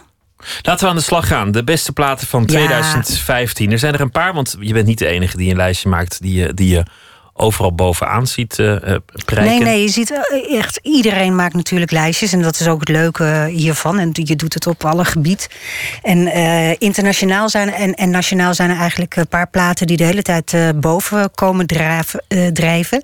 Sommige hebben wij wel gedraaid, sommige niet. Bijvoorbeeld Kendrick Lamar, dat is een, een, een, een rapper die een geweldige plaat heeft gemaakt. Maar hip-hop is nou niet echt iets wat je op dit uur kan draaien. Met harde beats en eh, nou ja, dat is, een, dat is een hele mooie plaat. Die heet. ehm, hoe heet die nou ook weer? Nou ja, Het was, het was vernoemd naar het boek van Harper Lee. To, to Kill a Mockingbird. Het To heet Kill a Mockingbird. To Pimp a Butterfly heette To Pimp de- a Butterfly, ja. oh, dat is wel, wel mooi gevonden. Nou, dan had je nog uh, Sufjan Stevens. Wel heel eh, veel gedraaid. Amerikaanse eh, muzikant die een eh, geweldige plaat maakte over zijn moeder en zijn stiefvader, Carrie Lowell.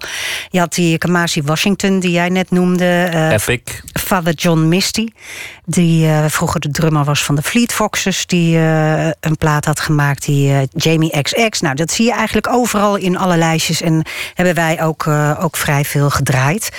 En eh, ja, dat. Wat- Dat, ja. dat waren de belangrijkste albums.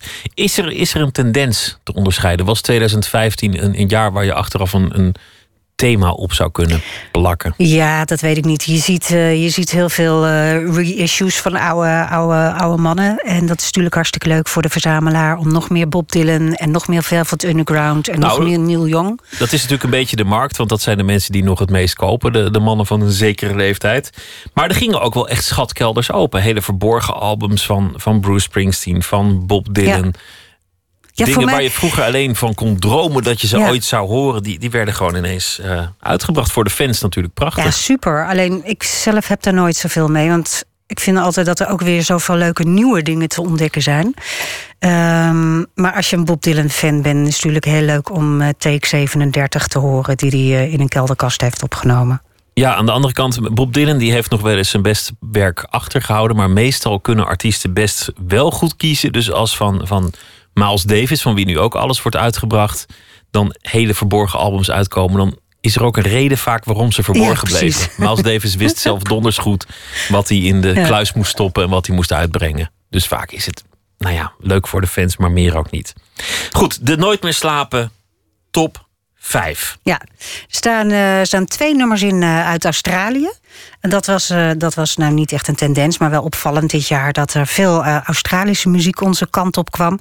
En eh, twee van die Australische bands staan ook in onze Nooit meer slapen top 5.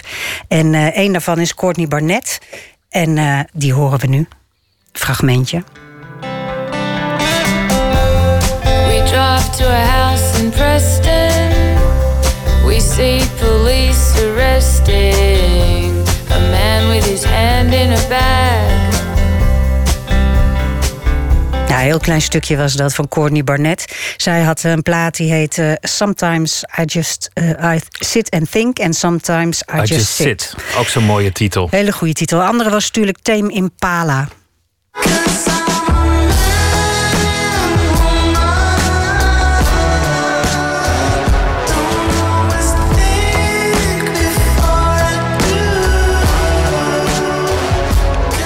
Hebben we ook heel veel gedraaid. Courtney Barnett en Tame Impala. Wat, wat zou je nog meer in eh, de Nooit meer slapen top 5 van het jaar willen De zetten? Alabama Shakes is een eh, groep uit Amerika. Rondom eh, een zangeres die een paar jaar geleden nog postbode was. Maar zo ontzettend authentiek zingt. En eh, ja, het is echt soul in een eigen tijds een beetje rockend jasje. En zij hadden een nieuwe plaat die heette Sound and Color. Your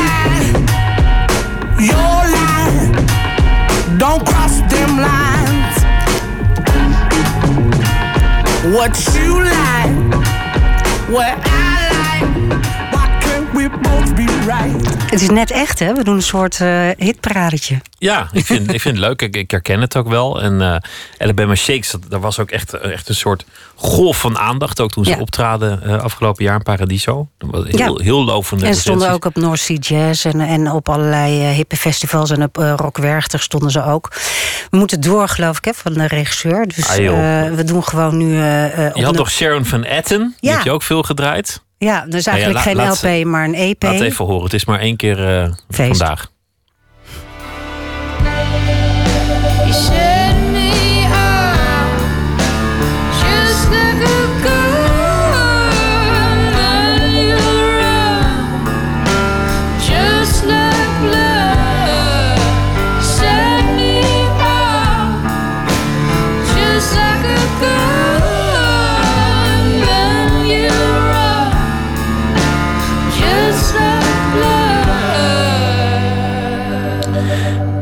Dan, wat hebben we nou eigenlijk het, het meest gedraaid afgelopen jaar? Dat is een, een zanger die jij ook eh, twee weken geleden live hier in de studio hebt gehad. Dus jij kent hem beter dan ik. Son Little. Hij ja. heet San Little. En, Schat eh, van een jongen. We zijn een beetje eigenwijs, want ik zag hem helemaal niet in andere jaarlijstjes terug. Maar het is echt wat wij het meest gedraaid hebben. En ik vind die plaat echt geweldig. Het is heel eh, bluesy en soulful, maar ook heel minimal en eh, elektronisch. En ja, echt een prachtige stem, toch? Prachtige stem en, en, eh, mooie liedjes. En ook een ontzettend eh, bevlogen en, en heel... Ja, maakt dat nou uit? Ik bedoel, al al zou het een heel lelijk mens zijn met een heel rottig karakter. Als je zo zingt, vind ik het nog vergeven. Maar Ja, en hij heeft liedjes geschreven voor Mavis Staples en hij heeft met de Roots gewerkt. Dus, dus hij heeft alles. Hij, hij mag gewoon een, een hond van een man zijn, maar dat was hij niet. Hij was zo ontzettend aardig en, en vriendelijk en, en, en leuk om, om te gast te een hebben. lieve hond van een man dus. Juist, we gaan luisteren naar Sun Little About a Flood.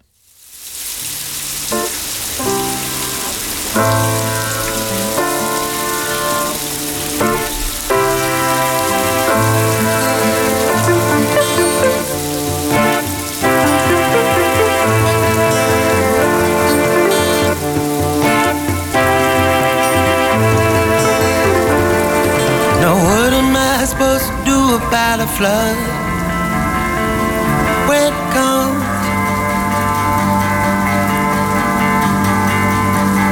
And what am I supposed to do if I don't know what to know?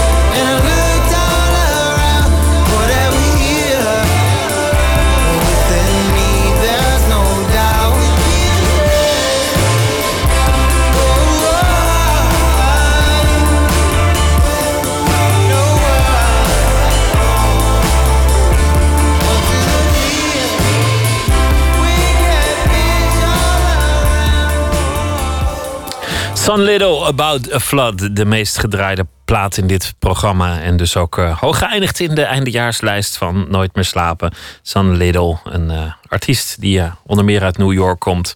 We gaan het hebben over nog meer muziek uit eh, 2015. Tim Knol, singer, songwriter, verzamelaar en muzikaal alleseter. Tim, welkom. Leuk dat je bent gekomen. Je Ja, bent gezellig. druk met een theatervoorstelling over je eigen verzameldrift... waarin je ook verhalen vertelt over, over muziek.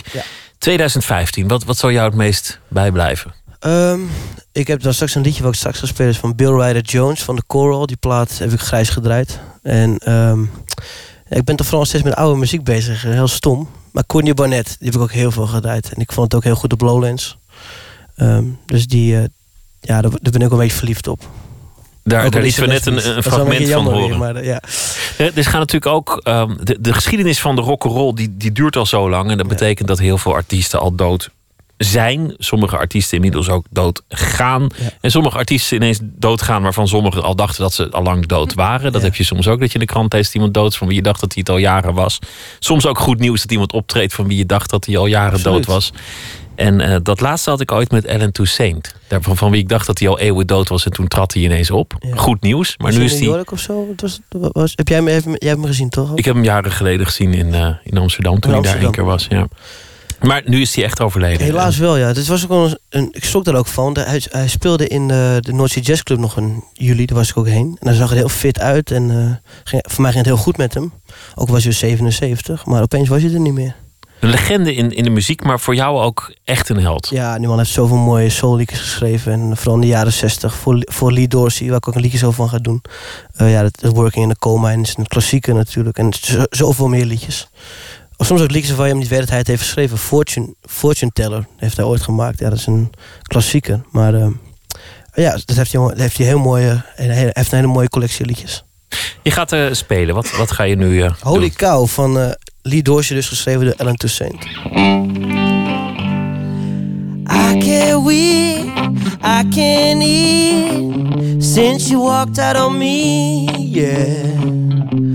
Holy smoke, what you doing to me? Oh, I can't eat, I can't sleep since you walked out on me, yeah. Oh, holy cow, what you doing, child? Holy cow, what you doing, child? What you doing, what you doing, child? Oh, holy smoke, good or ain't no oh, joke. Hey, hey, oh, bus? The job I lost since you walked out on me, yeah. Oh, holy smoke, what you doing to me? Oh, walking the ledge, my nerves on edge since you walked out on me, yeah. Oh, holy cow, what you doing, child?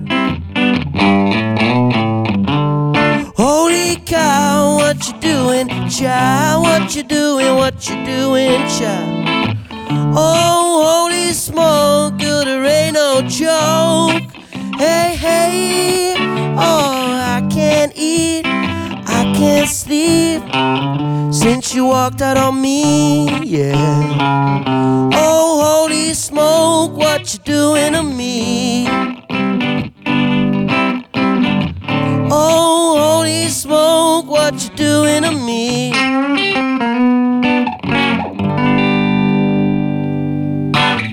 Een nummer van eh, Ellen Toussaint, geschreven door Lee Dorsey, maar dit keer door eh, Tim Knol uitgevoerd. Holy cow.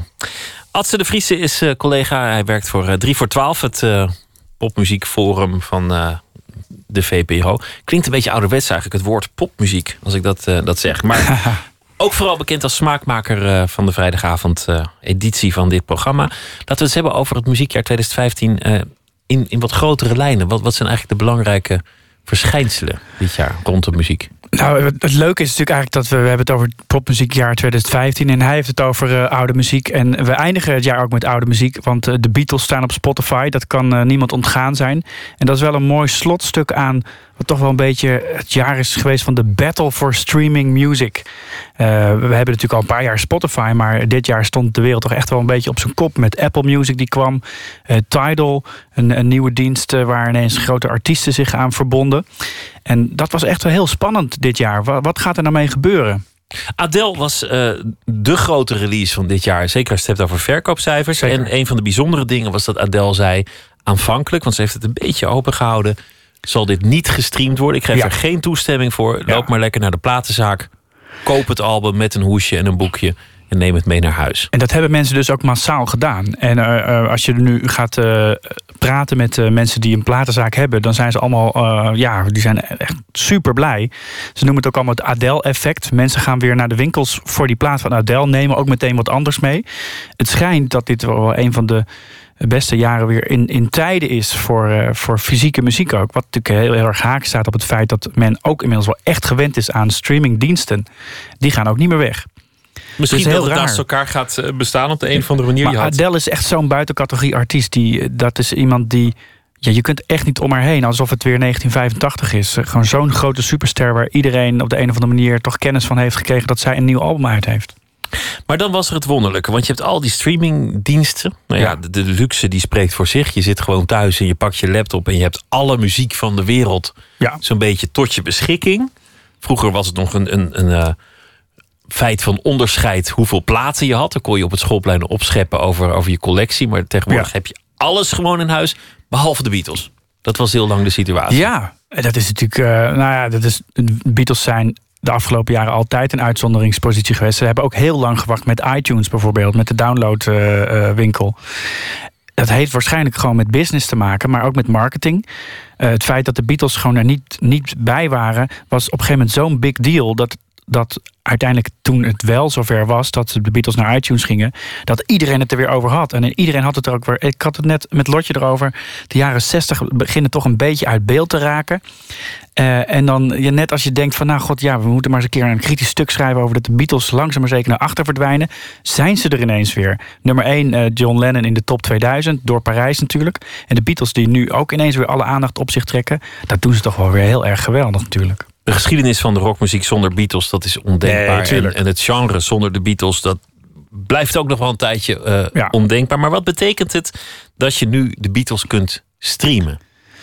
Wat, wat is dat ja, voor ik moment? Vind dat dus wel, ik ben daar dus wel benieuwd naar wat dat ook betekent. Er zijn, er zijn heel veel jonge mensen die, eh, die echt geen cd's of, of platen meer willen hebben.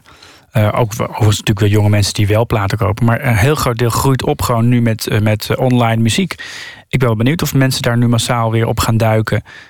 En nou ja, met name toen die, alle remasters van de albums uitkwamen, dat is een tien jaar geleden, denk ik. Er stonden ook alle bladen weer vol met Beatles dit, Beatles dat. allerlei verhalen die je nog nooit gehoord had. Ik ben benieuwd of dat nu ook weer gaat gebeuren.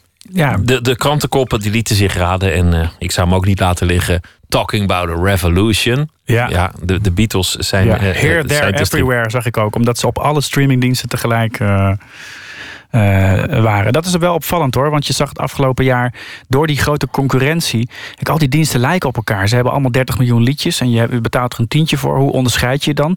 Nou, bijvoorbeeld door grote artiesten exclusief aan je te binden. Rihanna naar Tidal, Prince naar Tidal, Taylor Swift die dan weer eh, iets met Apple Music doet. Maar de Beatles gaan ineens met alle diensten tegelijk in zee. Dat is toch wel een belangrijk statement.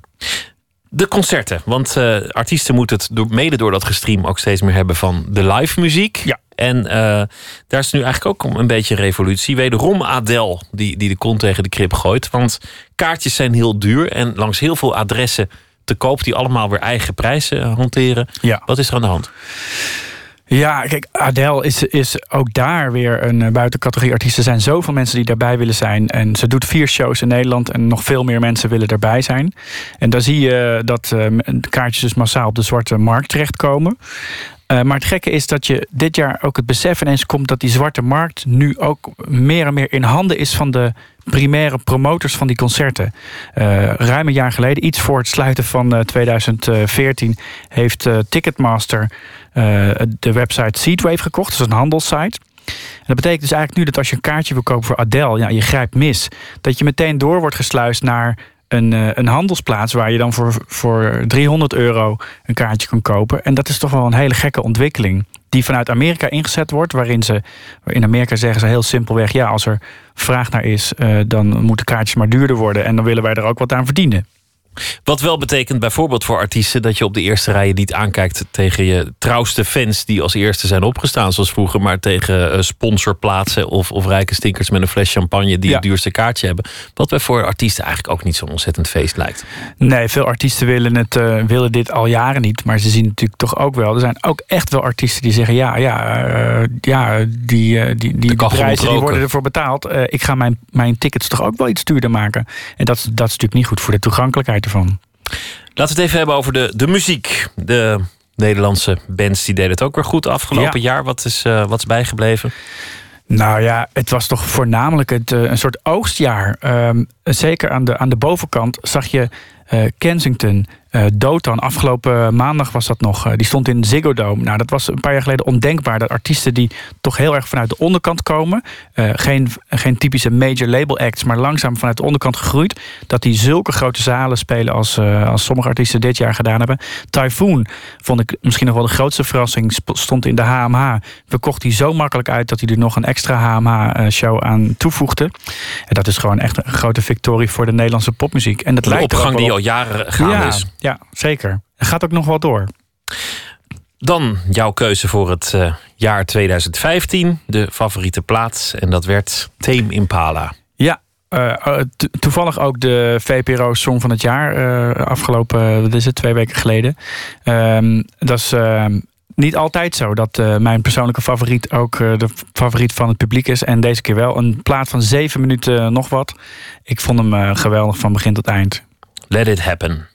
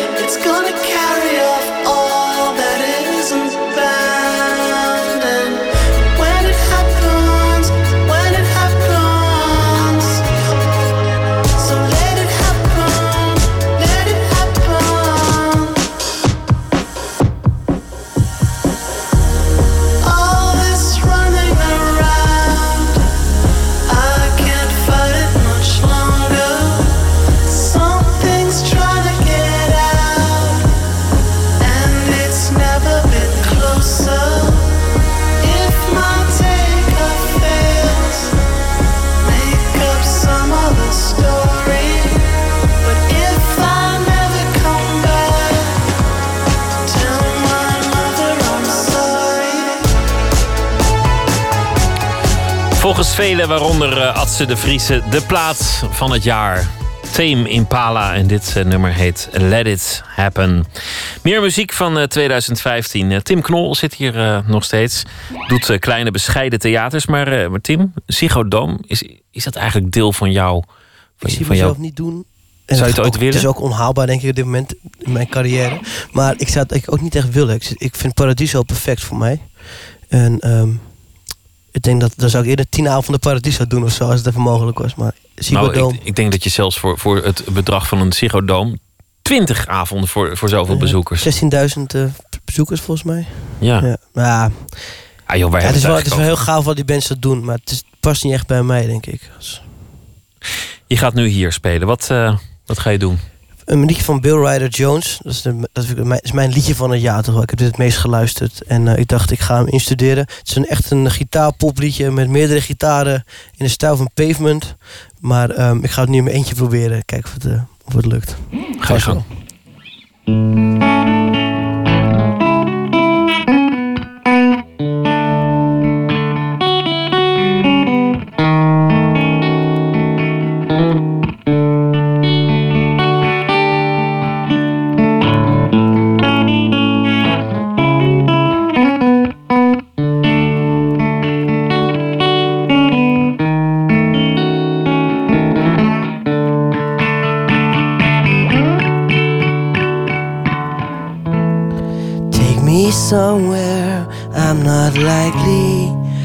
Forget.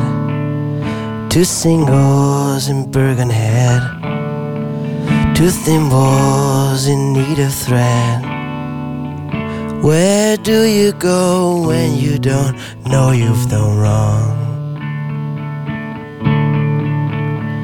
Oh, slipping on, running from waking alone.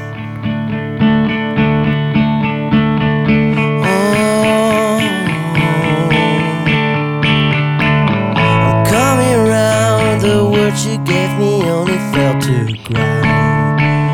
I like the fun. Where's the fun in being alone?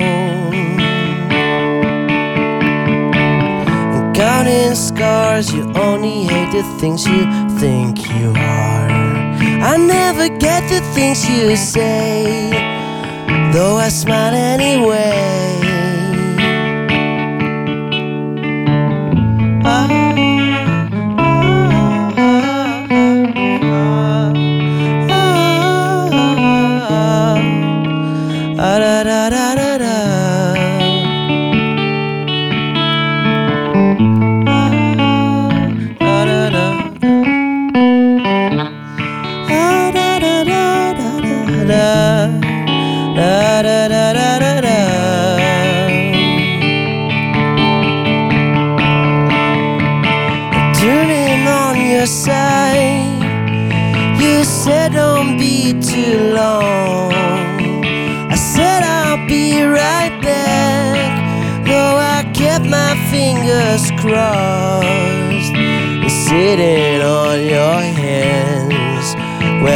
Kinda broke my heart.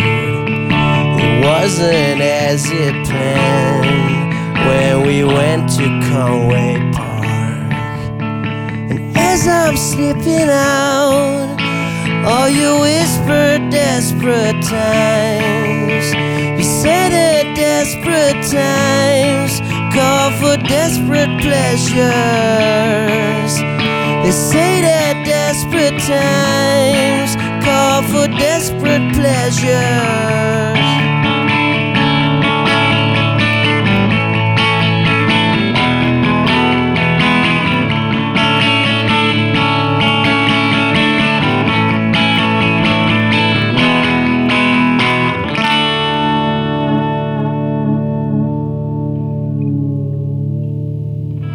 Dankjewel, Tim Knol. Hier zitten nog twee eh, muzikanten aan tafel. Want eh, Nooit meer slapen wordt gemaakt door een, eh, een team van voornamelijk parttimers. Mensen die, die invliegen en uitvliegen. Het is een beetje een duiventil, maar wel een duiventil waar met plezier en passie gewerkt wordt. Botte Jellema, bekend als verslaggever en nachtcorrespondent. En Maaike Dubelaar, die regie doet. Die zit hier altijd achter het glas zich tegen dingen aan te bemoeien. En nou ja, et cetera. Onder andere, onder andere. En jullie zijn daarnaast allebei muzikant. Want dat is eigenlijk eh, een belangrijk deel van jullie, eh, Ja. jullie métier. Eh, Maaike, jij, eh, jij zingt Ja. bij Pure Soul Power en andere projecten. Ja.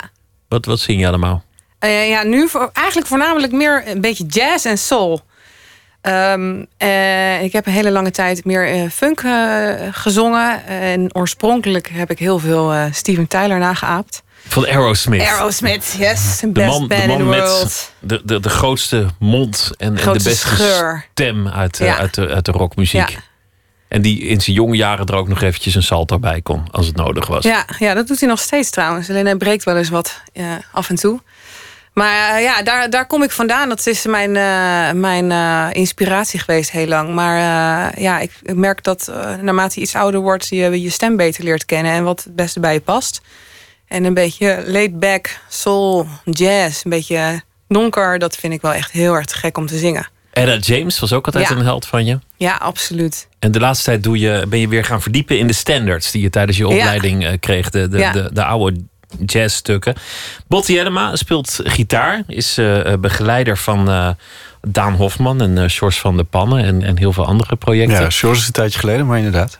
En je hebt ook wel eens hier tijdens het nachtcorrespondentschap, als het over muziek ging, bijvoorbeeld als het over plagiaat ging, je gitaar meegenomen Ja. en even laten horen waar nou precies het pijnpunt zat als iemand zei dat, dat hij eigenlijk Stairway to Heaven of een, een andere goed verdienende hit had geschreven. Ja, ja klopt ja. Heel handige eh, vorm van journalistiek. Jullie gaan nu zingen hier en jullie hebben gekozen voor eh, welk nummer, Botten? Ehm, ja, dat is wel een mooi verhaal. We, ehm, voor Jolene van Dolly Parton. maar dan in een hele bijzondere eh, versie, namelijk eh, de trage versie. Er staat op YouTube een vrij populaire versie daarvan. ehm, van een man die is een 45 toeren singeltje pakt en die op plaatsspeler legt. En een, die plaat afspeelt op 33 toeren. En dan denk je, nou, dat ken je nou wel, dat het, het ook mis. En dan zet je het hoger. Maar hier was het echt van, wow, het is echt helemaal te gek. En hoe dat nummer overeind blijft en hoe haar stem overeind blijft, eh, dat is zo, zo magisch. En dat dat nummer, wat, het, wat je alleen maar kent als dat huppelige country nummer, dat het eigenlijk een hele diepe laag heeft die er eigenlijk veel meer uitkomt op het moment dat je hem vertraagd eh, speelt. En dat, dat, zouden die, die, dat zouden die streamingdiensten als Spotify nou gewoon eens als modus erop moeten zetten. Dat je 33 iets op toeren. 33 en 45 toeren. En ook dat je, dat je om elkaar te imponeren met zogenaamd satanische boodschappen, dat je liedjes achteruit kunt, eh, Ja, kunt draaien. En dan ga ik ook Spotifyen. We gaan luisteren naar eh, jullie uitvoering van Jolene, Maaike Dubelaar en eh Botte Jellema. Ga je gang. Even gaan zitten.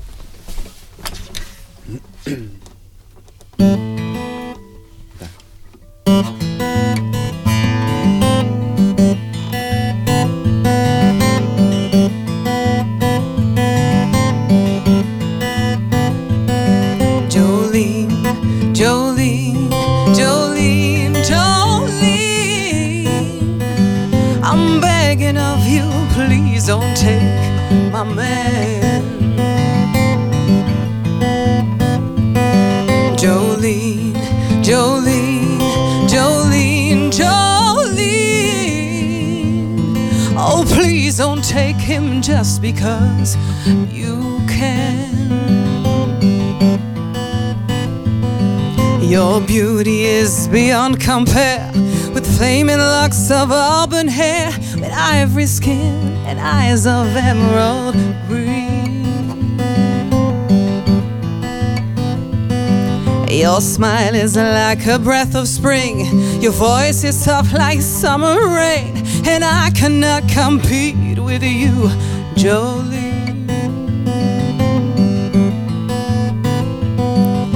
He talks about you in his sleep.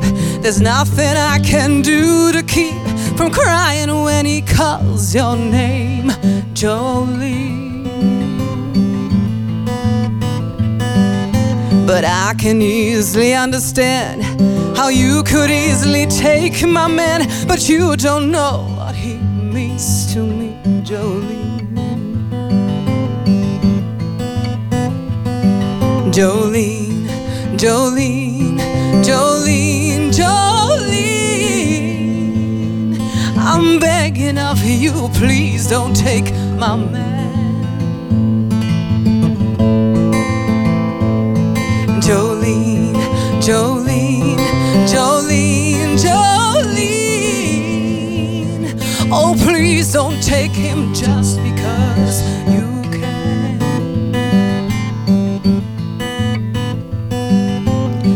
could have your choice of man, but I could never love again. He's the only one for me, Jolie. I had to have this talk with you. My happiness depends on you and whatever you decide to do, Jolene. Jolene, Jolene, Jolene, Jolene. I'm begging of you, please don't take my man.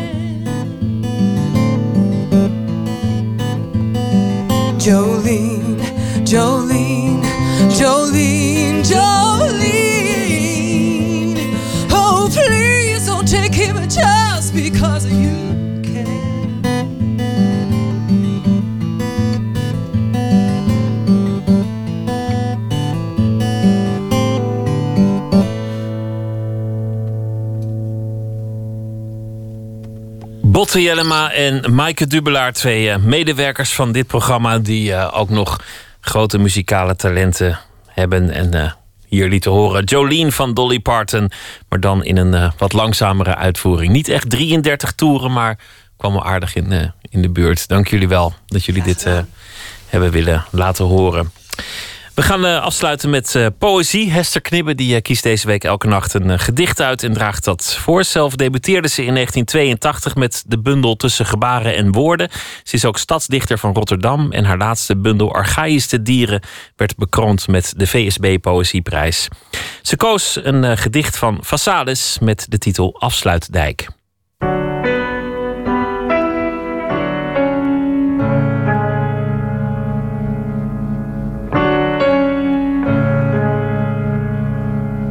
Ik heb een gedicht gekozen van Vazalis. En Vazalis is een van die dichters die me de poëzie binnensleepte toen ik een jaar of 15 was.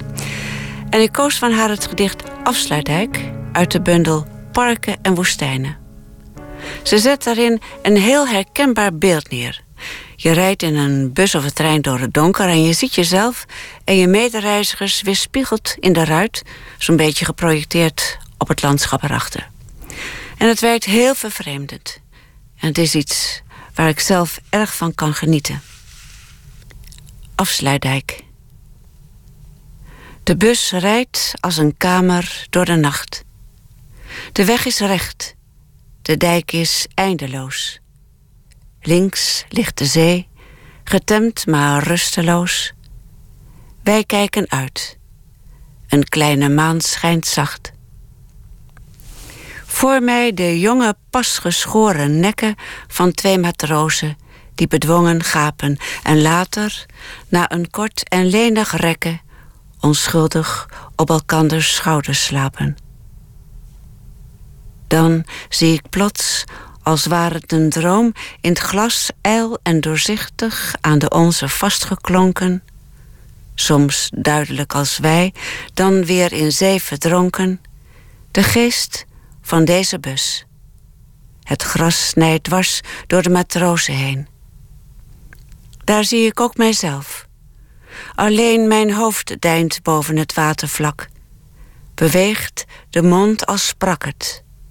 Een verbaasde zeemeermin. Er is geen einde en geen begin aan deze tocht.